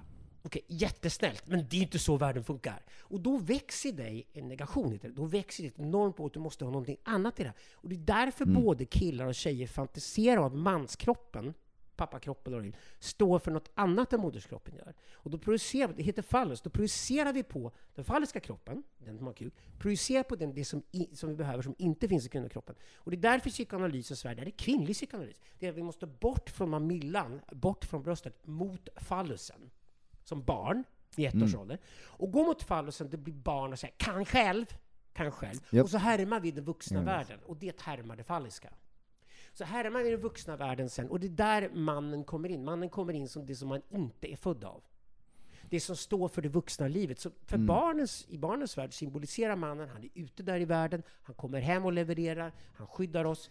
Och manskroppen är det som står för det vuxna livet. Och det är självklart, här är Det- Freud ja. Man sätta Det är det det mamma vill ja. ligga med, men jag, jag får inte göra det. Men själv, självständighet det överhuvudtaget eller? Alltså att det Ja, ja. representerar Ja, självständigheten precis. liksom? Ja. Vuxet, vuxet liv. Vuxenliv, så, liksom. Ja. Det är det som vi har slagit sönder i vår kultur. Vi har, vi har plockat bort mannen som mannen inte ska finnas och skapat något slags, slags kumbaya, alla Gudrun Schyman, alla sjunger i takt och alla ska sitta på dagis och sjunga alla dagarna. Och det är därför jag har sagt när jag debatterar med Gud, men, men vi män vill inte vara där. Det, det, det, det, det, det, det är som TV4-underhållning, vi vill aldrig vara där vi män. Inga män tittar på TV4 längre, för det är bara tantprogram. Ingen vill se skiten. Inga män vill se. Det där är ju inte vår värld. Utan vi vill ju hålla på med racerbilar och vara ute i naturen och sen vill vi ta riskfyllda saker och kasta oss på bungyhopp. Alltså, det, där är inte med. Så mannen representerar en vildare, vuxnare värld ute där man tar risker. Och för att man tar risker får man belöningar. Bara Och det är det ja. som du måste få företag. Sen i tonåren ska du vända dig mot fallus för att bli fallus själv. Spontan teori Då är då det är bara... tonårsupproret. För, förläng, vuxen sen. förlängning av det här då, kan man då säga att alltså anledningen till att om, om, om gammelmedian har blivit då mer kvinnlig på ett sätt, är det därför alltså alternativmedian, är den mer Ja. manlig då och mer självständig? Exakt. säga? Ja. Exakt. Jag har aldrig TV längre till folk jag på Youtube, för jag vill nå fram till unga killar och en dialog med dem. Och sen kommer många Mm. tjejer med på kuppen med. Vi har 95% manliga tittare. Ja, Så det- Men tjejerna följer sen bara snygga killar där. För, för de här trenderna vinner du snygga killar vinner du allt. Så funkar alla samman. Men jag undrar, för de här trenderna ser man ju på fler ställen, att det är fler kvinnor på universiteten och sånt nu för tiden i Ja. de här systemen liksom. Men glöm inte att vänstertjejer klagar idag på att de måste gå i blockgränsen för att få ligga. Mm. Vänsterkillarna duger inte längre. Nej men det är väl för att de har blivit ö- östrogentuttar eh, på, på män liksom, soja boys liksom. Så det, alltså, det finns att, någon... att vara inställsam hos tjejerna och gå emot killar är en jävligt dålig strategi för att få ligga. Mm. Det är pillertrillarna i Aspudden som man kallar dem här i Stockholm. Det är som hipsterkillarna som går omkring ett piller hela dagen och rullar en barnvagn framför sig och kuken står inte längre och tjejerna drar. Alltså den nya stora grejen ju sexuellt i Sverige, det är radikalfeminister som ligger muslimer. Självklart, folk kan inte ligga med de här insmickrande jävla töntkillarna längre. Och de killarna har varit grundlurade. De tror att nej men jag ska förråda mina bröder med en gång och sen ska jag hålla med tjejerna om det blir något Nej, men för- och för så går det- de på shit, för tjejerna shit-testar ju bara hela tiden. De kollar ju bara om vi håller. Ja. Tjejerna testar bara, de kan ju stänga av var som helst och kolla att vi håller ihop. Och sen blir de imponerade. Sen, för er, är det inte just så att det som avgör en mans status är den statusen han får från andra män? Alltså, och det är det som Exakt, gör ja. att han blir attraktiv i kvinnors ögon? Jag, har- jag har testet på manslägen. Jag brukar köra första kvällen, det är köra så här. Är det någon av er killar i rummet som försöker hitta bekräftelse hos tjejer? Svenska killar räcker upp handen. Ja. Polackerna tittar på dem och säger vad är det för fel på er? det där slutar med att ni var 12. Det heter tjejtjusar i plugget. Nej, bekräftelse var man från män. Kvinnor levererar man till. Vi ligger, det gör inte ni. och du ser, det är så Mm. skönt att se polacker och svenskarna sitta och polackerna så här. Här är det vi som är civiliserade. Ni är Just fucked i huvudet, ni killar i Sverige. Ni, Ja. ni får gå med, annars kommer vi att ta era brudar. Lätt. Det, det låter inte som att eh, Sverige mår så bra när, när du eh, pratar. Hur, hur, hur tycker du att Sverige mår idag? Nej men Sverige, Generellt. det är skitmycket bra grejer, men, men vad vi Mm. saknar i Sverige idag är sunda jävla manliga ideal för män som står upp för kvinnor, står upp för män Mm. och är säkra och trygga i sig manligt. Och det är din kropp, din biologi som berättar vad det är du ska göra. Och det, det underbara med arketypologi är att när du ser hur män och kvinnor är beroende av varandra för att samhället ska hålla ihop, ja men då älskar du det. Jag, jag konverterade till zoroastrismen. Den här religionen är ju Persien från början, ursprung till islam och sånt där. Men mycket coolt. Som att konvertera till judendomen istället för kristendomen. Liksom. Okej. Och som zoroaster kan jag säga att den religionen har praktiserat radikal jämlikhet mellan könen i 3700 år. De här tjejerna ni ser i Iran idag som sliter av sig hijabben och så fått några mullorna, det är zoroastriska brudar. Det är inte muslimska tjejer, de kommer sen. Det är zoroastriska tjejer som säger nej men nu räcker det med dumheterna. Liksom så här. Ni kan inte låsa in oss längre. Vi kommer från en kultur där kvinnor och män har varit jämställda 3700 år. Det är det samhälle jag vill ha och det är därför jag säger och jobbar med unga feminister. Säger så att istället för att hålla på med radikalfeminism borde gå ännu radikalare i att hitta kvinnokroppen och gå tillbaka till den. Jag, tror, jag, jag tycker kvinnliga företagsledare ska lära sig yoni-massage hela skiten. Hitta sin kropp, sin sexualitet och hitta styrkan i den och sen gå ut och vara kvinnliga ledare. Fråga bara så här, funktionen kring status och så här, när kvinnor typ så här köper Gucci-väskor eller sådär så är ju det uppenbart att det är för att imponera på varandra och inte på män liksom, tänker jag. Mm. Eh, Och imponera på att man lyckas få en karl som har kreditkort. Ja, och det också kanske ja. Men, men var, var, Det vad är, betalar ni gärna för, för ni är dumma i huvudet, för ni är killar. var, varför Jättebra. finns det en statuskamp mellan kvinnor där? Vad, vad är slutmålet? Varför vill de trycka ner varandra? Nej, de inte trycka ner varandra. De håller på att shit-testa varandra hela tiden för att kolla Ja. vem som är svag och inte kan följa när man knallar iväg. Alltså vi är nomader. Mm. Tänk att du är den gamla kärringen och du är bekymrad för dina tjejer i stammen. De är alla yngre än du. Du är äldst. Okej. Då blir du måttstocken, för du kan gå. Om du inte kan gå hoppar du ner för en ättestupa på en gång. Någon annan kvinna blir nästa kvinnan, hon tar över din roll. Så Ja. länge du kan gå, går du längst bak. Sista positionen ut i nomadstam, äldsta kvinnan. Mm. Och då har du en enkel historia som berättas för dig kvällen före innan man ska röra sig. Om ni inte går framför äldsta kvinnan, åker ni ut. Killarna måste gå först, tjejerna kommer efter och ska vara skyddade och tjejerna är ofta gravida och ska föda barn, eller om inte annat om mormödrar tar hand om unga nästa steg. Hela vårt arv, vår framtid bortom vår egen död som män, ligger i våra kvinnor. Mm. Kommer du ta våra kvinnor? Det är våra kvinnor. Vi skyddar våra systrar som skyddar Det är stammen, så rör sig den. Matriarken är sist ut. Det betyder att tjejer föds ständigt testade varann. Så var tjejer så här, kolla nu, kolla nu, klarar det här? Klarar det här va? Så här. Ständigt fikande, ständiga berättelser med varandra, ständigt jämförelser med Gucci-väskor och sådana saker och ständiga tester att man håller. Och det är för att tjejer ska överleva, för när man rör på sig nästa dag måste man vara med. Och tjejerna vill inte lägga ner tid på en tjej som inte pallar att knalla. Men inte hela Det är poängen om, därför, om man, så om man, ja. är det här. om de då lyckas snärja en man då, räddar inte han henne då? Plockar inte han henne med liksom? Att han bär henne Det är fall? inga män som lyfter och bär några Nej. kvinnor i en stam som är i rörelse. Det är fet chans. Man Nej. har inte ens äktenskap. Om man är gift och har barn Jag har liksom? aldrig någonsin i en stam sett en liten hydda för honom och henne där, liksom, där Adam och Eva eller Romeo och Julia bor. Liksom. Det finns inget sånt. Men om man har barn med den kvinnan som går sist, då bara skiter man i man Det, lämnar man skiter i vem som är farsa till ungarna. Ja. Ingen i stam bryr sig. Alla ungarna står under hövdingen och under matriarken. Alla ungarna tillhör Men stammen. nu, nu lever vi Alla inte i är en stam på det sättet längre, så i det moderna samhället. Så om, om min fru liksom inte kan Biologiskt hänga med lever vi där fortfarande. Ja. Så du menar att om, om som exempel, modernt exempel liksom, hur- om man, är det typ att kvinnan får cancer och dör, att man bara går vidare då med sitt barn? Liksom att man släpper, eller vad, vad skulle man kunna säga är en motsvarighet till det moderna samhället? Jag kan ge dig ett tips. En familj på bara två personer och ungar är jättesvag. Mm. Okej, så du tittar på data från hela världen idag och kollar var lever familjer bäst och klarar sig bäst? Lägst skilsmässofrekvens, där man har ett koncept av familj är 40 personer. Mm. Typ Inte Italien två. kanske? Eller? Indien klart bättre än Indien är bättre, okej. Okej. När jag jobbar i Indien så lär jag ungdomar idag att göra self-arranged marriages. Det vill säga, Mm. det är inget fel på arranged marriages, det är bara ni själva som ska välja. Och dit är Indien på väg idag. De vill inte ha vårt skit. De vill inte ha kärnfamiljsidealet. De vill inte ha trasiga äktenskap. De vill inte ha en stad som Stockholm idag, där liksom skilsmässorna går upp till fyra, fem stycken på livstid och varenda unge hoppar mellan olika ställen och hittar aldrig en fadersfigur någonstans. De vill inte ha den här skiten. Det är problemet med Sverige. Det är inte någon brist på pengar, det är inte bri- brist på god vilja, men vår högfärdighet har gjort att vi har trampat rakt in i en kultur idag där vi är jävligt oschyssta mot våra ungar.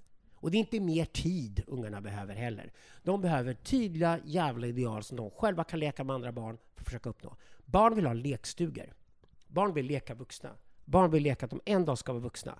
Och det är inget problem alls om en tjej eller en bög plockar upp en docka och en flata eller en straight liten pojke plockar upp en lastbil. Helt okej, Mm. helt rimligt. Det är så de funkar, ungarna. Om ungarna får göra det här kommer de hitta sina arketyper, de kommer bli stolta för att de är män och kvinnor när de är äldre, och de kommer funka jättebra. Men du tror att den här typen av familjer, de skulle inte brytas upp av polygami heller då? Utan för där är man en större familj då egentligen, som en liten stam, där man har relationer inom den familjen eller? Tjejerna bryr sig inte vad de ligger med när väl ungarna har kommit. Mm. De bryr sig om det innan och sen bryr de sig om social trygghet. Tje- Tjejer, tjejerna säger till dig Mm. att de vill ha protection and provision. Då menar de protection and provision, de menar inte dig. De menar ett fett bankkonto och ett kreditkort som kan köpa Gucci-skor och imponera på andra brudar. De menar inte dig.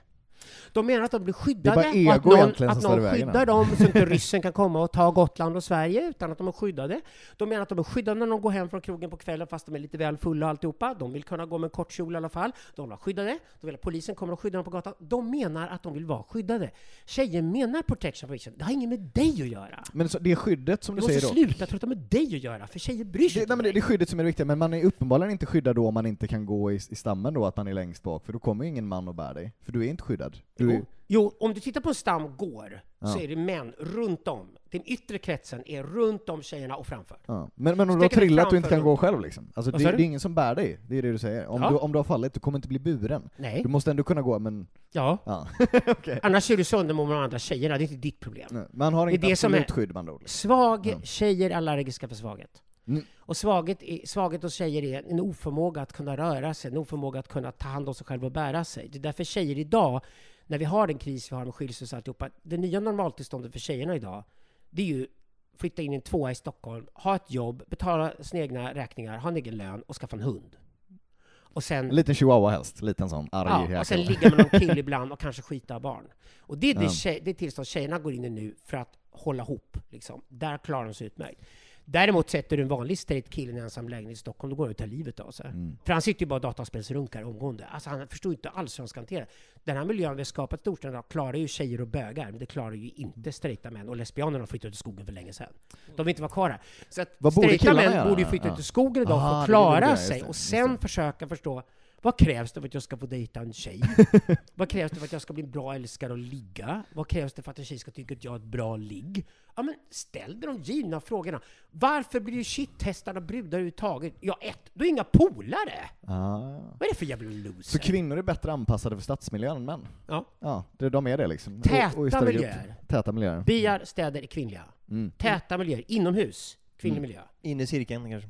Inre kretsen, Mm. okej. Om du åker till exempel till Israel som är starkt patriarkat och matriarkat, det är trots allt ett overachiever-land från helvetet. Liksom ett Mm. av världens rikaste länder, fast 50% i militärbudget. Enormt imponerande. Första bästa hem du går in i, spelar ingen roll palestinier, judar, gå i första hemmet. Kvinnan styr allt innanför dörren. Du frågar henne om du ska ha skor på eller inte, för det är en Mm. öppen fråga i Israel. Okej. Utanför hemmet, det är klart att hennes man är militärgeneral, liksom och driver techbolag. Liksom så här.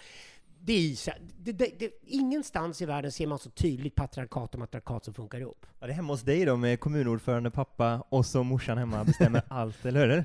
Då är han ju toffel liksom. Ja. Eh, Nej, men alltså, det inre, du, du ser, inre krets, yttre krets, det är klart att hon bestämmer, inre kretsen är ju matriarkatet. mm. Vi, vi pratar ju inte om matriarkat, därför blir det så konstigt att prata om patriarkat. Du ska inte ens nämna patriarkatet utan att fråga vad är matriarkatet? Det är klart att båda finns där. Var bestämmer kvinnan någonstans? Hallå? Så fort du tätar i inre miljöer, och du vet den inre miljön vi har, och varför är vi män fantiserar om matriarkatet? Därför det föds barn. Mm. Våra ungar, om vi nu är en del i det överhuvudtaget. Fick du ligga på ritualen för att du lyckades, ja, då är du med och skapar de här ungjävlarna. Och ungjävlarna rinner ju ditt arv, de överlever dig, så den dagen du dör passar du över arvet till dem. Och vad du får göra sen, i stammarna, är ju inte att din unge, som är din kopia, kommer det. Utan det är ju så här, du har ju en arketyp. Du är en viss typ av man. Och det sen händer det att de unga killarna som liknar din arketyp får lära sig att du är en bra förebild för dem som de upp sig. Och det är det riktiga faderskapet. Det ligger i det vi kallar mentorskap idag. Där kickar de här grejerna med fadern in och sonen. Japansk kultur till exempel, varför du har företag i Japan som funkat i 1400 år, det är ju aldrig sonen som ärver fadern i familjeföretagen. Farsan går ut och kollar vem som fan är värd att ärva honom och så adopterar han den bästa snubben och så kallar honom son. De har Just det, adopterat just det. i alla fall. Det är därför Japan har företag som hållit i 1400 år. Och när du berättar det för brudar, då blir det så här, åh gud, jag vill åka till Japan. Problemet Det är där det sitter, men, det är men, sitter Ja- såklart. Japan som superkonservativt dock, de har ju inte utvecklats på vissa fronter att de fortfarande använder faxmaskiner och sådär intänkt med, så det finns ju brister i deras Det kultur där också. är fördomar, ärligt talat. Ja men det är ju Rasist. sant. Men det är ju sant också. Man, vi, vi använder faxmaskiner inom Polismyndigheten. Ja, det är, det. ja, men Du, det det är inget större fel på min Honda Hybrid som jag kör som står nere på gatan, där det är Mm. bättre än Tesla till och med. Nej, nej, nej, nej. Att Japan skulle ligga efter oss teknologiskt, tror inte på det liksom. Så här. Men och du tror inte att deras konservativa värderingar på något sätt har sinkat av? Konservativa värderingar, det- jag skiter inte om något, skiter om något radikalt konservativt, det finns inget sånt. Jag bryr mig om två saker. Det är en Mm. arketypologi, det är hur vi funkar egentligen. Vi föds Japp. med en penis, fyra penisar i det där rummet. Ingen av oss Kanske fler, man vet aldrig. Ingen av oss har en fitta, ingen har en aning om det känns som fitta. Stor, svag punkt. Okej? Det betyder att vi kommer vilja ligga med brudar därför att de har fitta, och vi förstår inte varför. Och vi kommer aldrig begripa dem, och därför kommer vi hålla på och jaga brudar till vi dör. Jättesmart gjort av naturen. Som tur är har tjejerna ingen aning om hur det känns att ha en kuk. Ingen aning. Och det är det mysteriet som gör att de är attraherade av oss. Liksom. Och då får du sexuell attraktion, det håller ihop ett samhälle. Det är biologi, arketypologi till det. Ovanpå det finns det bara en annan sorts värderingar som är ganska tunna och de heter paradigmatik. Och de följer den tidsålder du lever i och den har med teknologi att göra. Så det har att göra med till exempel ett internetsamhälle kommer andra värderingar än ett tryckpressamhälle. Ett samhälle med tryckpressen där alla råd att lära sig läsa, skriva, räkna kommer bli ett helt annat samhälle än ett feodalt samhälle där några få kan läsa, skriva och räkna, böckerna handskrivna, tråkiga gamla biblar och alla andra idioter som blir lurade vad som helst i en kyrka. Alltså, feodala samhällen, före feodala samhällen var vi stamvarelser och det enda vi hade var talspråk. Okej, det är fyra tydliga paradigm. De paradigmen producerar ju världen, och det vi skriver om vår filosofi, Göran och Söderqvist, är hur vi ser hur de nya värderingarna kommer Ja. fram ur internet. Men, och så ger vi bara Folkrådet, är du smart så anpassa dig efter det här, för det är vad som kommer gälla. Men det ligger ovanpå arketypologin. Men där är frågan nu bara, jag, sorry att jag avbryter dig, är, är vi på väg in i nästa paradigm nu med ChatGPT och AI och sådär? Är det dit som vi liksom... Nej, internetparadigmet börjar på 1980-talet. Det är väl uppenbart att vi lever i ett helt annat samhälle idag än för 30 år sedan.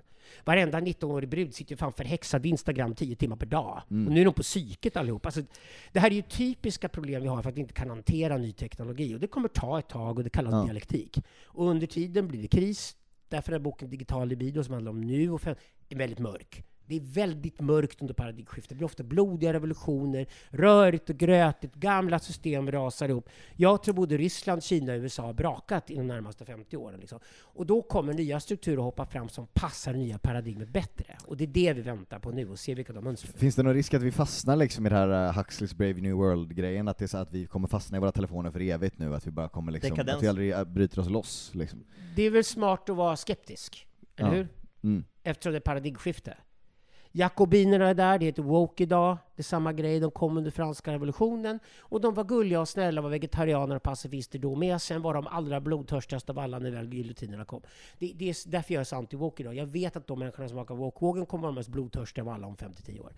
Det det, vi ser bara hur histo- historien går igen. Och när historien går igen är det arketypologi. Mm. Det är arketyperna som återföds. När historien är ny och annorlunda, då är det nytt paradigm.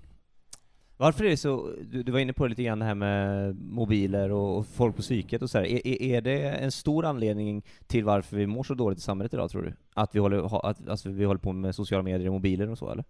Ja, det, accelererar. Vi mår sämre av att, att vi gör samma saker och inte längre förstår varför vi gör dem. Mm. För att du hade lärt dig till slut vad det innebär att vara duktig och snäll, lära sig läsa och skriva och helst gå på en högskola, få en bra utbildning, tjäna pengar och klara det i livet. Den modellen höll fram till 1980-talet. Nu börjar den rycka sönder. Nu slits den i små bitar. Gå en universitetsutbildning idag är bara bortkastad tid. Det är redan klart de flesta. Universiteten är över. Liksom så här. Edtech äter upp dem. Alltså, tech äter upp alla gamla paradigm. Jag jobbar med politik idag, med mer medborgerlig samling-projektet. Men egentligen handlar det om att nedmontera politiken. För det är klart, AI kommer slå ut politiken. Om du kan rösta på en AI fem år kommer alla trycka AI, inte Kristersson eller Magda. Liksom så. Finns det någonting som AI inte är hotat av AI? för Kristersson och Magda. Det är inget snack om det. Liksom. Men är du inte AI, hotat? liksom. Vad är inte hotat av AI? Vad kommer finnas kvar liksom? Tror du? Nej, allt, du kan räkna med att nästan allting vi gör idag som vi tycker är liksom white collar kommer ryka. Mm. Men vi kommer hitta på nya uppgifter åt människan. Frågan är vilka, och vi har inga garantier för att alla får ett uppdrag. Det här är återigen med stammen. Det är därför vi är nervösa idag, för vi har ingen aning om vem kommer klara sig och Komiker vem är kommer kvar. inte klara sig. De skriver rätt bra skämt tyvärr, ChatGPT alltså. de Tyvärr. inte- Vet du vad? Ni kommer göra som jag är som musiker och fatta. Ni kommer använda AI som en assistent. Mm. Okej? Jag hatar ju musiker, så jag lärde mig spela på syntar, sen fick jag en sampler, sen fick jag en dator, sen visste jag, och jag behöver aldrig mera musiker. Okej? Mm. AI är bara det, det är ett nytt verktyg. Ännu ett verktyg. Och de som Mm. förstår vad AI kommer använda som ett verktyg och stötta sig själva i det. Men vi, jag hör ju mina ljudböcker nu på AI, jag hör ju också vad man irriterar sig på på AI ganska fort. Förutsägbarheten. Mm. Det, det är jämn, jämn ström bara, så kommer alltihopa. Okej, då kommer man att tvungna att slänga en slumpgenerator i systemen också. För det så var det samma sak med trummaskiner. Första trummaskiner på 80-talet var lät så här, det var som någon slog samma trumslag hela tiden. Sen kom slumpgeneratorerna och du kunde inte längre höra om det var live-trumma eller maskintrumma. Det är sånt där som AI kommer lära sig. Vilka förmågor tror du är viktigast att hålla fast vid och utveckla i den typen av liksom, förändring vi nu när AI kommer ta över? Sådär? Vad är viktigast att man liksom odlar åt sig själv? Killar då, är, Mm. är ju, det är första killar. Okej, Killar slits mellan logos och patos. Alltså, Tjejer är ju Mm. alltid mytos. De är alltid samma berättelse. Så här. De är ju i samma ställe hela tiden. De är ju hela och fina. Det är därför vi luras av fittan liksom. För det är, det är wholeness. Det. Killar är splittrade och bråkar med sig själva oavbrutet. Logos och patos är mannens två liksom, arketyper. Det är prästen och hövdingen inom oss. Den smarta jäveln och den starka jäveln inom oss slåss med varandra jämt. Och är vi smarta så lär vi respektera oss för att vissa är starkare och vissa är smartare. Det är ett bra lag. Men män slåss mellan logos och patos. Då är det intressant att det som slås ut mer kraftfullt med AI, det är faktiskt logos. För det är kunskapsöverföringen. Noll Mm. rätter. Det är ju vad som händer med internet. Internet är piss dåligt på kraft. Hey, it's Danny Pellegrino from Everything Iconic. Ready to upgrade your style game without blowing your budget? Check out Quince. They've got all the good stuff shirts and polos, activewear, and fine leather goods, all at 50 to 80% less than other high end brands. And the best part? They're all about safe, ethical, and responsible manufacturing. Get that luxury vibe without the luxury price tag. Hit up quince.com slash upgrade for free shipping and 365 day returns on your next order. That's quince.com slash upgrade. Planning for your next trip? Elevate your travel style with Quince. Quince has all the jet setting essentials you'll want for your next getaway, like European linen, premium luggage options, buttery soft Italian leather bags, and so much more. And is all priced at 50 to 80% less than similar brands. Plus, Quince only works with factories that use safe and ethical manufacturing practices. Pack your bags with high-quality essentials you'll be wearing for vacations to come with Quince. Go to quince.com slash pack for free shipping and 365-day returns. Imagine the softest sheets you've ever felt. Now imagine them getting even softer over time. That's what you'll feel with Bowl and Branch's organic cotton sheets. In a recent customer survey, 96% replied that Bowl and Branch sheets get softer with every wash. Start getting your best night's sleep in these sheets that get softer and softer for years to come. Try their sheets with a 30-night guarantee. Plus, get 15% off your first order at bowlandbranch.com. Code BUTTERY. Exclusions apply. See site for details. Och det är det andra manliga. Så därför betonar jag och säger så att historiskt är det så här, ni ska inte lyssna på mig som är bra på logos. Ni ska egentligen fokusera på kampsporten just nu och på att lära ligga med tjejer och saker. För att mannens starkaste kort nu framåt Mm. är att vara patisk. Kraftfull, känslosam och så vidare. På ett manligt sätt. Ja, för det- för det Men där rent- ligger det starkaste ja. kortet du har. För det är inte bara rent fysiskt, utan vi pratar alltså en- ens förmåga att handla generellt sett. Som är det. Risktagande Risktagande. exempel. En AI kommer aldrig ta en risk. Mm. De kommer aldrig testa ett nytt skämt om andra ord, så det finns ändå lite potential för, Exakt. för Den kommer bara titta på gamla skämt och skämta på ett förutsägbart sätt. Exakt. Den kan inte göra annat, för det stoppar inte i något annat jag än det. Mm. Och även om du lägger i hinder och den ska så att säga kunna vara innovativ, för vi tror att vi själva är innovativa för att vi får hinder, det räcker inte heller. Det är mycket mer mystiskt med det patiska, patiska narrativet. Det, det ligger där. Det är därför jag är intresserad av filosofiska saker som porr, riktigt våld. Vad säger de på det? Får man fråga det? Men jag är intresserad... Jag, ja, är det skit? Vad, jag menar är att Ja. jag är intresserad av patiskt narrativ. Patiskt narrativ är det man alltid ska lå, hålla inlåst och ungarna får aldrig se det. Det är, det är till exempel när någon ISIS-krigare på riktigt live skär av halsen på någon långsamt med en kniv. Mm. Det, det finns ingen skräckfilm i världen som kan likna det. Nej, det är patiskt narrativ. En skräckfilm ett mytiskt narrativ? Mytos vet vi. Vi vet om att det är mytos när vi ser mytos. Vi vet om att det var mytos. Jaha, lite läskigt kanske, men nej. Och så kommer någon med en jävla trubbig kniv i Syrien och skär av en hals och du skriker. Porr tillhör den kategorin. Det är därför du inte kan blanda porr och film. Så fort du ser en porrfilm och försöker agera, jag kan jag bara hålla käften och ligga. Så där. Och så fort du försöker smyga in en porrfilm i en film, så det här var lite konstigt. Lite too much sådär. ja. Jättefel! Det är för att det är två olika berättelser, och då ska du inte blanda. Mytos och patos måste hålla isär. Och det, det är det som är så jävla intressant, för mannen går mot en patisk, mer patisk varelse, på gott och ont. Det är ju riskfyllt också. Vi kommer att utveckla mer patos därför att maskinerna kommer ha så jävla mycket logos. Det skulle jag säga är en bombsäker förutsägelse, om man kan tänka abstrakt nu, vart mannen är på väg i vårt samhälle mer teknologi.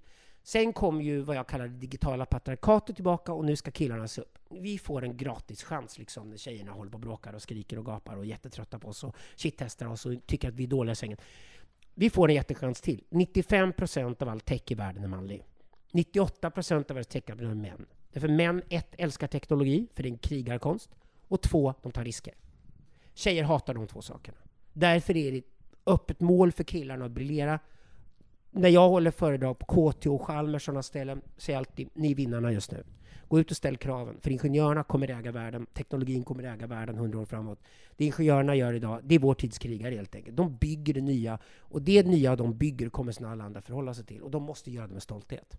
Där tror jag kraften ligger idag i en mansrörelse som är stolt och manlig och möter kvinnlig styrka.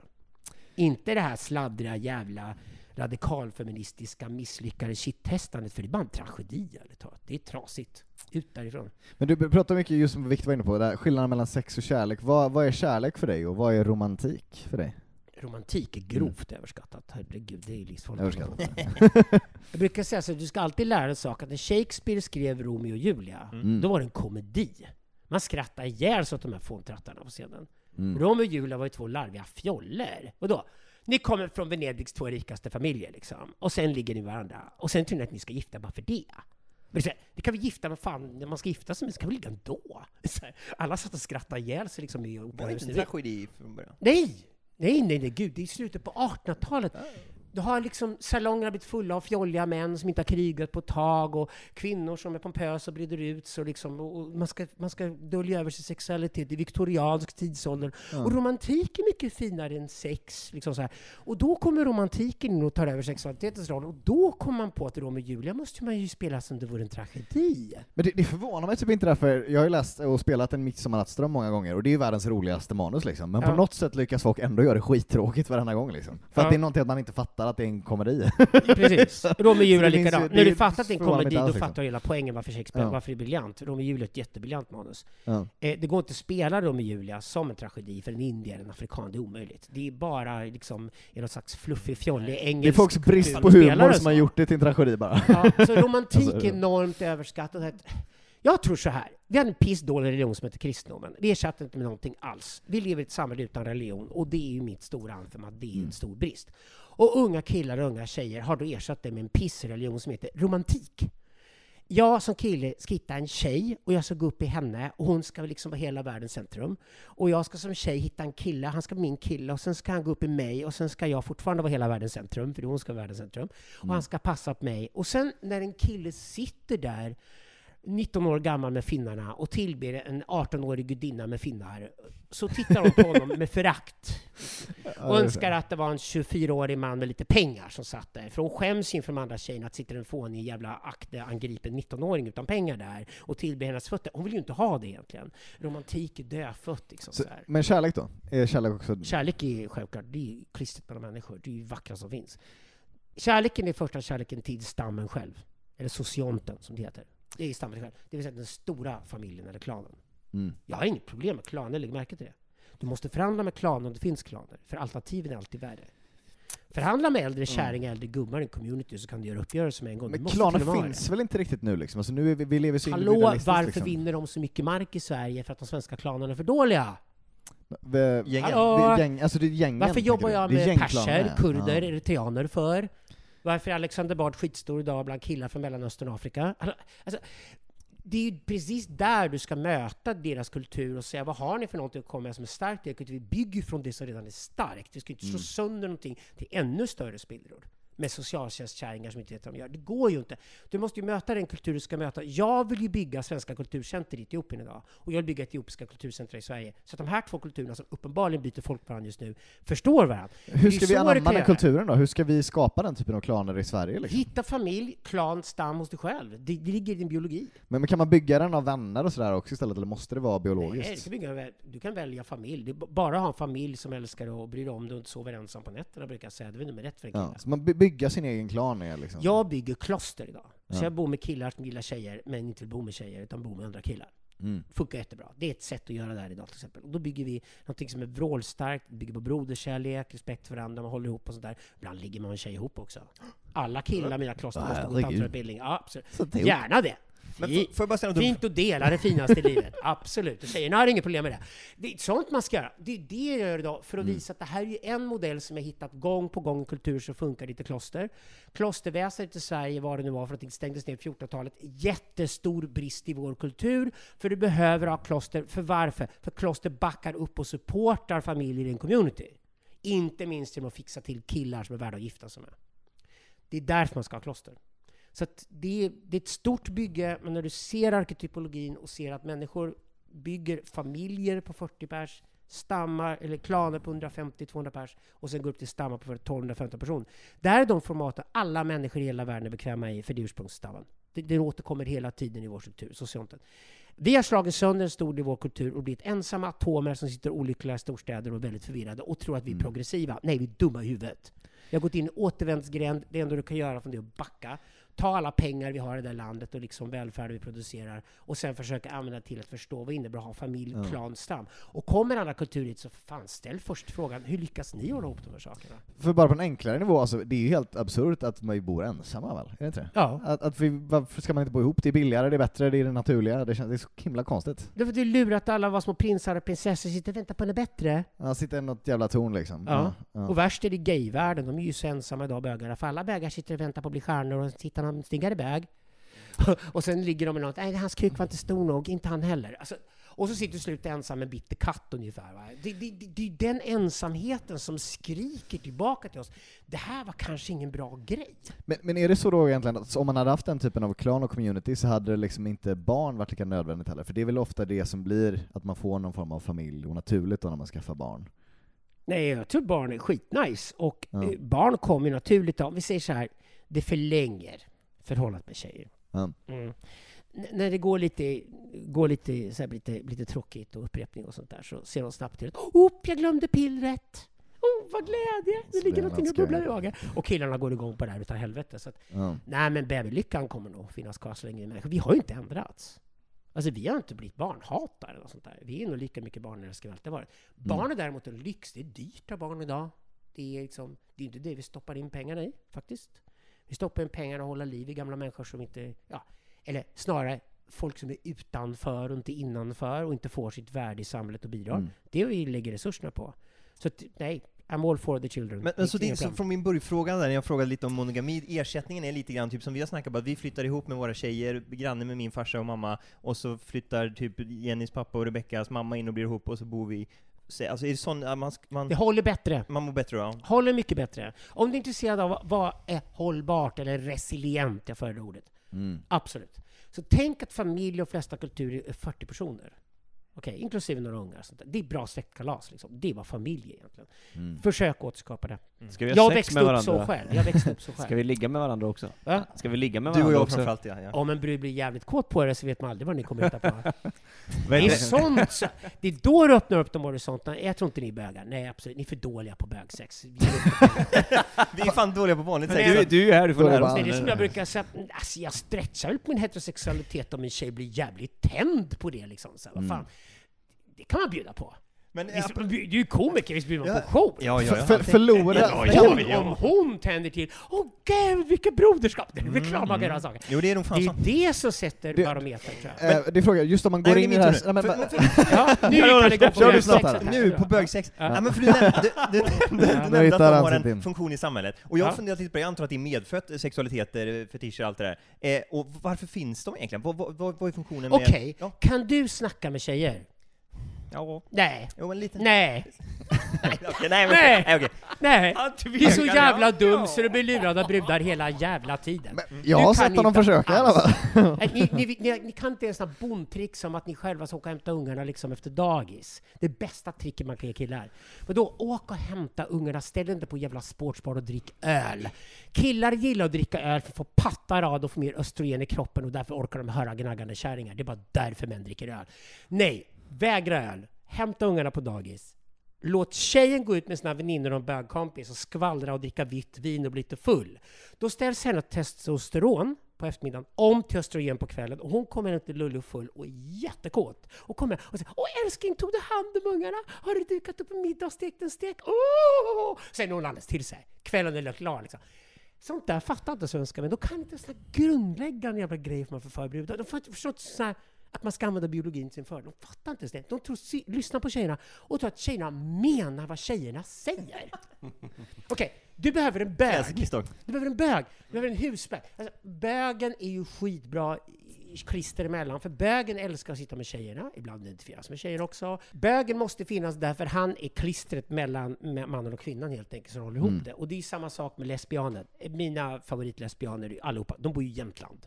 De har en gård.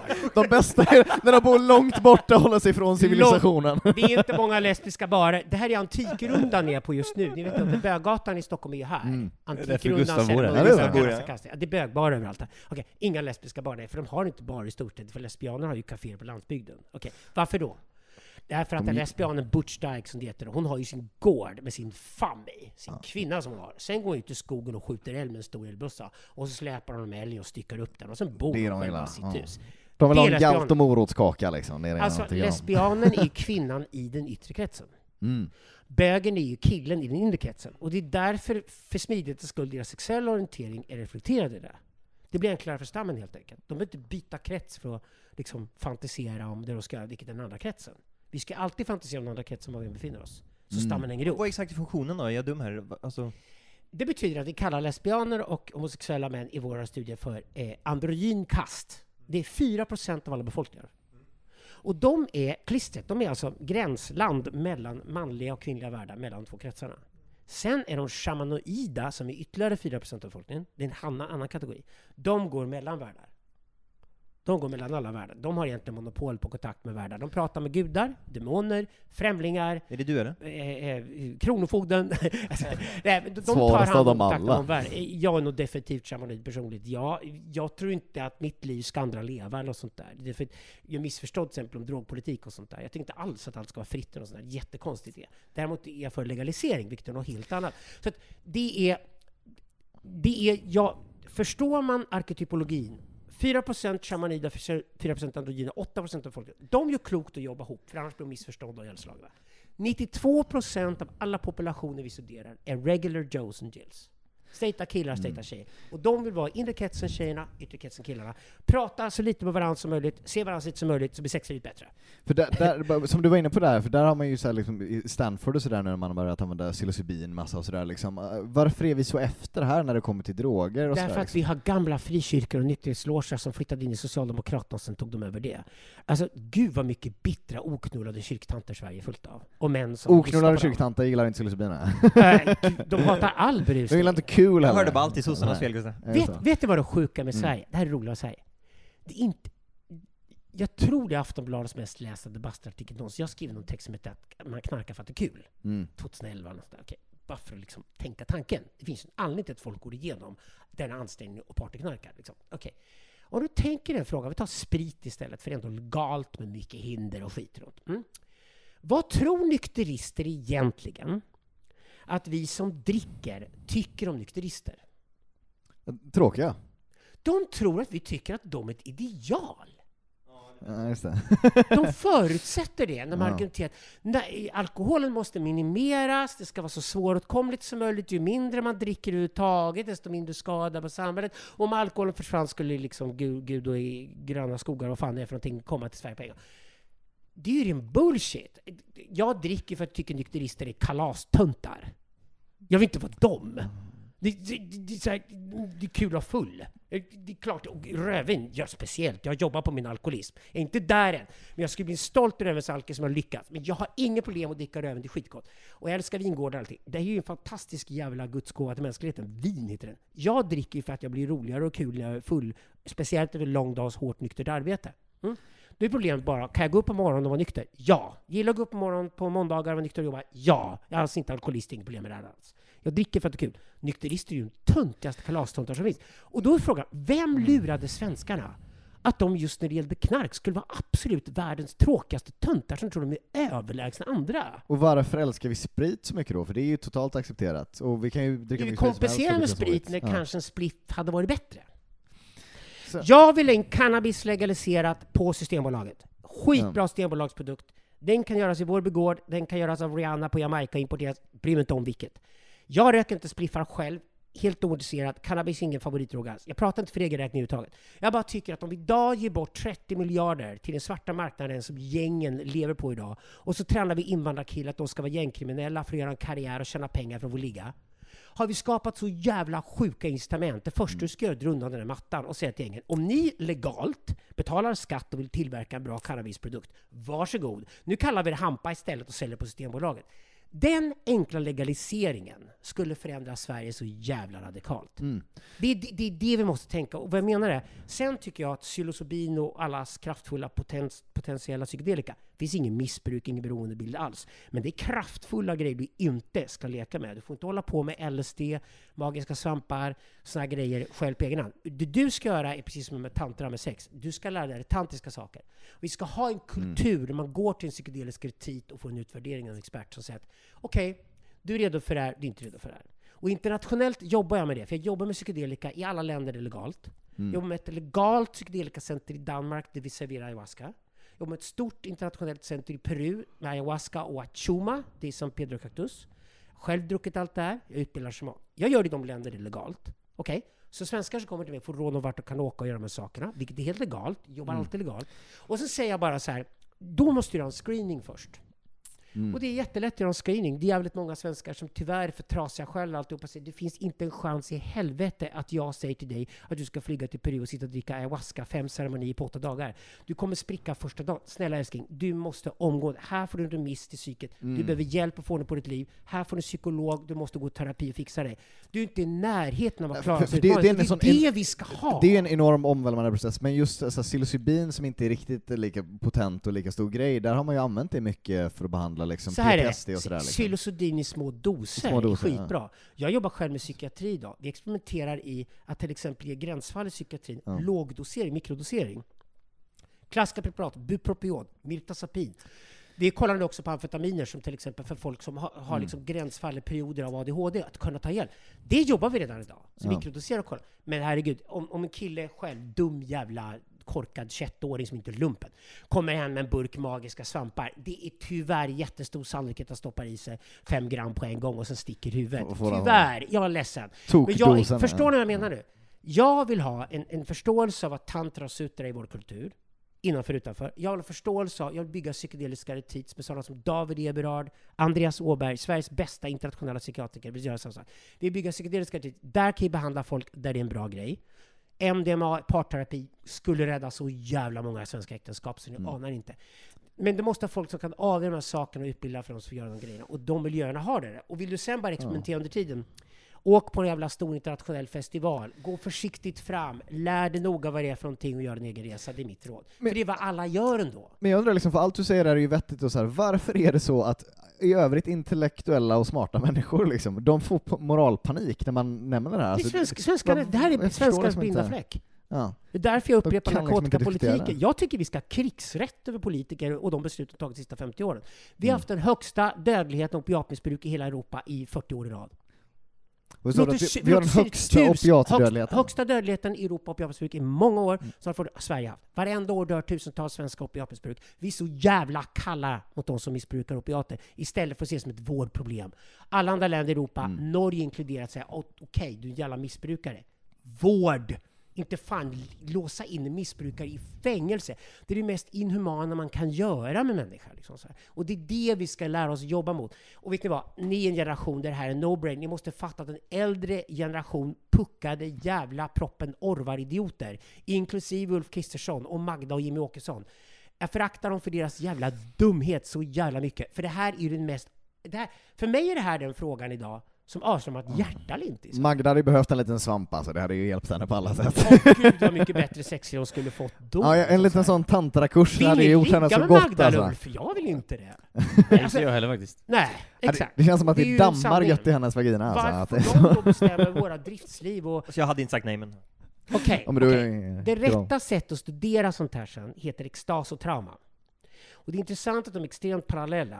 Traumatologi, hur man tar upp någon från ett trauma, handlar väldigt mycket om att de Mm. inte får stanna i traumat. Och upprepar i all evighet som woke-människor gör. Gud, jag blev utsatt för en oförrätt. Jag ska få pengar igen för det. Och igen för det. Och igen för det. Och igen för det. En brud som säger dig, Du gjorde faktiskt samma mot mig för två år sedan och du har fortfarande förlåtit det, så du måste göra det så här igen. Innebär det att du inte gillar psykoanalys? Jo, jag håller på med det. Du håller det är med det jag det? beskriver nu. Nej, men för det Traumatologi handlar om att ta upp folk ur trauma och säga att du får inte stanna här. Det är samma sak med extas. Mm. Det här missbruk kommer in. Du måste få folk att fatta att du kan inte stanna extatiska, du måste lära dig komma ner.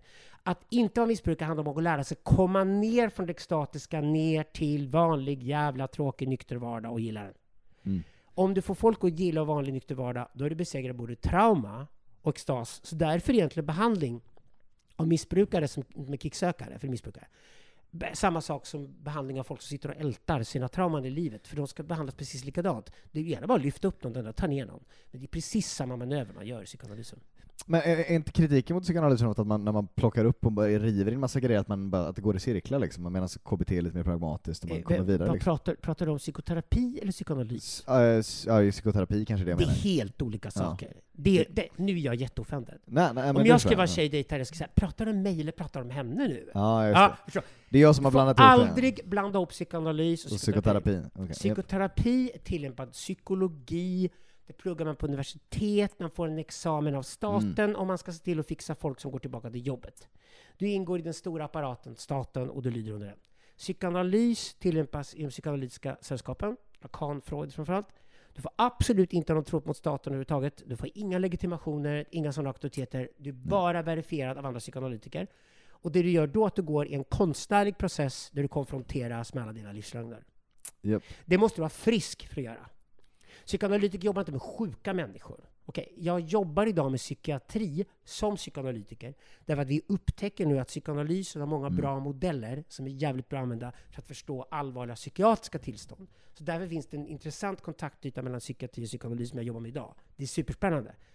Psykologer håller på med sitt ändå. Jag gör psykologikonferenser ibland när jag är stor bland psykologer som läser våra böcker. Men jag håller inte på med psykologi, jag håller på med psykoanalys. För det är vad filosofer gör. Det är en konstform, det är inte vetenskap. För det är en fråga jag tänkte, vilket liksom, filosofiskt koncept tror du är liksom, eh, det, det som har påverkat vår tid mest från, från alla filosofer of all time? det är en väldigt bred fråga. Eh, det- Filosofin har man ju inte lyssnat speciellt mycket på, eftersom vi uppenbarligen har snurrat till det rejält för Mm. oss. Ja. Så att, jag tror att allt vi människor håller på med rituellt i grund och botten. Jag tror egentligen handlar om vilken religion vi har, och frågan är vilken religion har du? Mm. Politiska ideologier är också religioner. Det är verkligen det. Okej, om vi beskriver våra trosystem korrekt, då måste de synkroniseras. Så bor Mm. man i en community eller man är med i subkultur online, vill man synkronisera sina värderingar, så man har gemensamma värderingar, det har en religion. Religion betyder religare, det som klistrar ihop, håller ihop människor. Okej? Det är vad religion är. Har inget med någon gud att göra liknande. Det, det kommer senare. Det är teologi. Okej, så religion handlar bara om det. Då är frågan vilka religioner vi har. Och i Sverige idag har vi, vi har fattat nu med Ukraina och sånt där att vi måste få nationalkänsla igen. Det finns en bred uppslutning runt att man slåss nästan om svenska flaggan idag. Det är skitbra. Så vi vet arketypologiskt att familj, klan, stam är bioprogrammerade i alla människor. Det ligger i genomet. Det kallas genplex. Större storlekar har vi brottats med sedan bronsåldern och försökt organisera människor som städer, nationer, imperier. Ju större de är och ju färre värderingar de delar, desto svårare blir det. De enda större system som håller och som inte har gemensamma värderingar är handelssystem. Sidenvägen briljant exempel. Så om det är ett flöde mellan olika städer och nationer med handel är det mycket lättare att hålla fred utan att dela värderingar. För handeln, till exempel kapitalism, är en värdering. Du värderar allt det du byter med varandra. Så därför är kapitalism också en form av religion. Handel ska också förstås religiöst. Och när du förstår de sakerna, så här, okej, men bygg då inte större enheter för människor än de som håller. Och därför säger jag till folk så här, den enda enheten vi hade i vår kultur som höll var byn. Mm. På 1800-talet slog vi sönder byn och byggde gårdar för att frigöra arbetskraft som skulle lockas in i städer. Och i städerna byggde vi fabriker. Där börjar de problem vi dealar med nu. De problem vi dealar med nu kommer alla från urbaniseringen. Och därför måste man idag hitta tillbaka till mönster och arketyper som är äldre än byn eller finns i byn eller tidigare. För byn är ju en stam som slagit sig ner. Mm. Jättebra utgångspunkt. Och det tror jag svenskar kan mycket väl fatta och sen tänka ut, okej, men vad är min by som jag har som svensk idag? Vad består den av? Ja, och nu har det flyttat in folk från andra kulturer i min by med. Okej, hur kommer jag överens med dem? Där skulle jag börja jobba då. Och jobba för med detta. Och jag är väldigt, väldigt försiktig. Jag rekommenderar aldrig någon att slå sönder sociala strukturer som fungerar. Speciellt när de yngre lider de äldre. Snarare bara samarbeta med de strukturerna och se vad du kan göra. Och har du en sån struktur, till exempel som ett kriminellt nätverk. Det är bara att bjuda in dem i den vita ekonomin.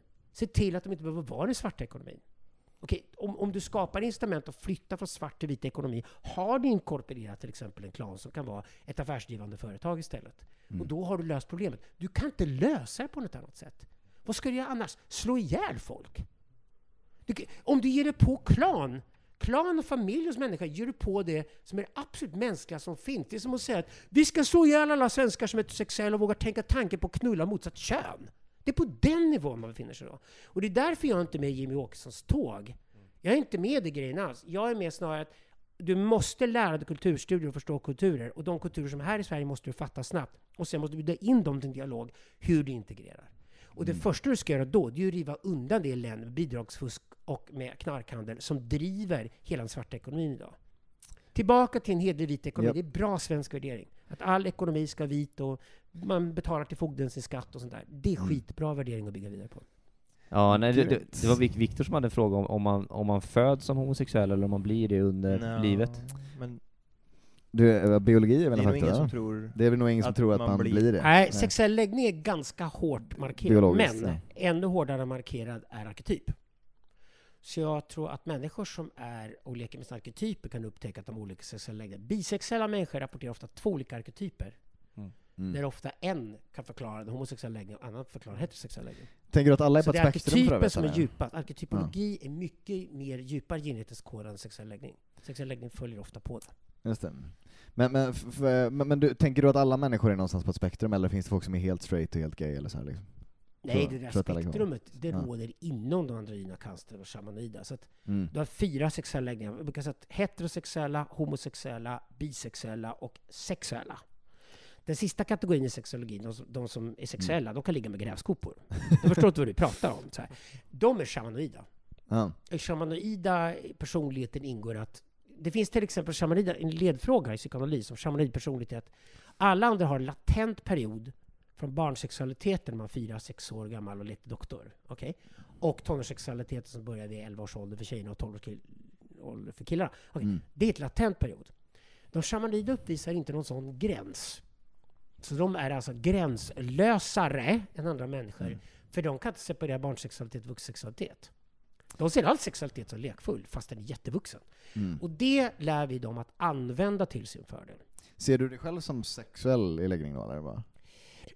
Kanske det, ja. Kanske. Du är lite sugen på grävskopor ibland. Tantralärare är en stor fördel att vara shamanoid. Ja, Mm. det vill säga, ha, jag har ju inte de vanliga begränsningar, men respektera de begränsningar andra har. Det finns inget spektrum. Mm. De flesta Joes and Dills där ute har, har absolut inget spektrum. De flesta straighta människor skulle inte tänka sådant. Det är helt okej, så ska det vara. Spektrumet ligger snarare andra änden. Och jag kan säga så här, det är ganska få bögar som spektrum heller. De flesta bögar, och säger man fitta till dem så här. Med. Så att de vill, Farlig manet de vill som verkligen inte ligga, de har inget spektrum, de vill inte ligga med fitta. De vill verkligen inte göra, de vill inte slicka fitta. Nej, fy fan. De är bögar helt enkelt. De är suga kuk. Ja. Så det, det, är- det är inte så mycket spektrum där heller. Mm. Det där spektrumet ska vi nog hålla någonstans ute i någon klinik, i en retreat med en stängd vägg bakom och så är det lite advanced knowledge tycker jag. Mm. Där hör spektrum hemma. För de som vill undersöka sånt. Jag förstår. Fasen, vi, har, vi har lärt oss mycket grejer. Vi har lärt oss väldigt mycket nu, jag tror, ska vi runda av lite där eller? Ja, jag är så kissnödig men fan vad intressant att lyssna på Ja, det. ja, Så ja, supertack att du kom hit Alexander. Men till Ja. slut, urinblåsan knäckte Alexander Bard. Vad läser Tack man? för att ni hade mig där, det är jättekul. Vill du plugga något? Vill du plugga något? Vad kan man Nej, eh, lyssna på dig? Bard och Söderqvist har skrivit tre böcker. Syntism, digital libido ute redan och den tredje boken, Process och Vent, kommer ut i sent i vår eller höst. Eh, det är våra tre böcker. Ni kan söka Bard och Söderqvist på Amazon eller vad ni vill. Alltså, våra böcker finns på engelska och svenska, man kan läsa om man vill sätta sig in i det här. Mm. Annars så finns jag online och har mina filosofnätverk och andra sådana nätverk. Man kan hitta de sakerna helt enkelt. Man kan googla sig fram. Googla Bard helt enkelt. Ja, jag, Googla jag, och det är ganska skönt att behöva sälja sig, för att Ja. jag vill inte sälja mig, jag vill inte pracka på på någon. Nej. De som vill nå mig och vara i min värld, de letar upp den. Mm. Som ni gjorde, grabbar. Ja, Tack. absolut. Ja, Jag ska läsa din bok nu, tack Ja, för den. Tack så mycket. Tack. Tack för att ni har tack, lyssnat. Ha det gött. Hej.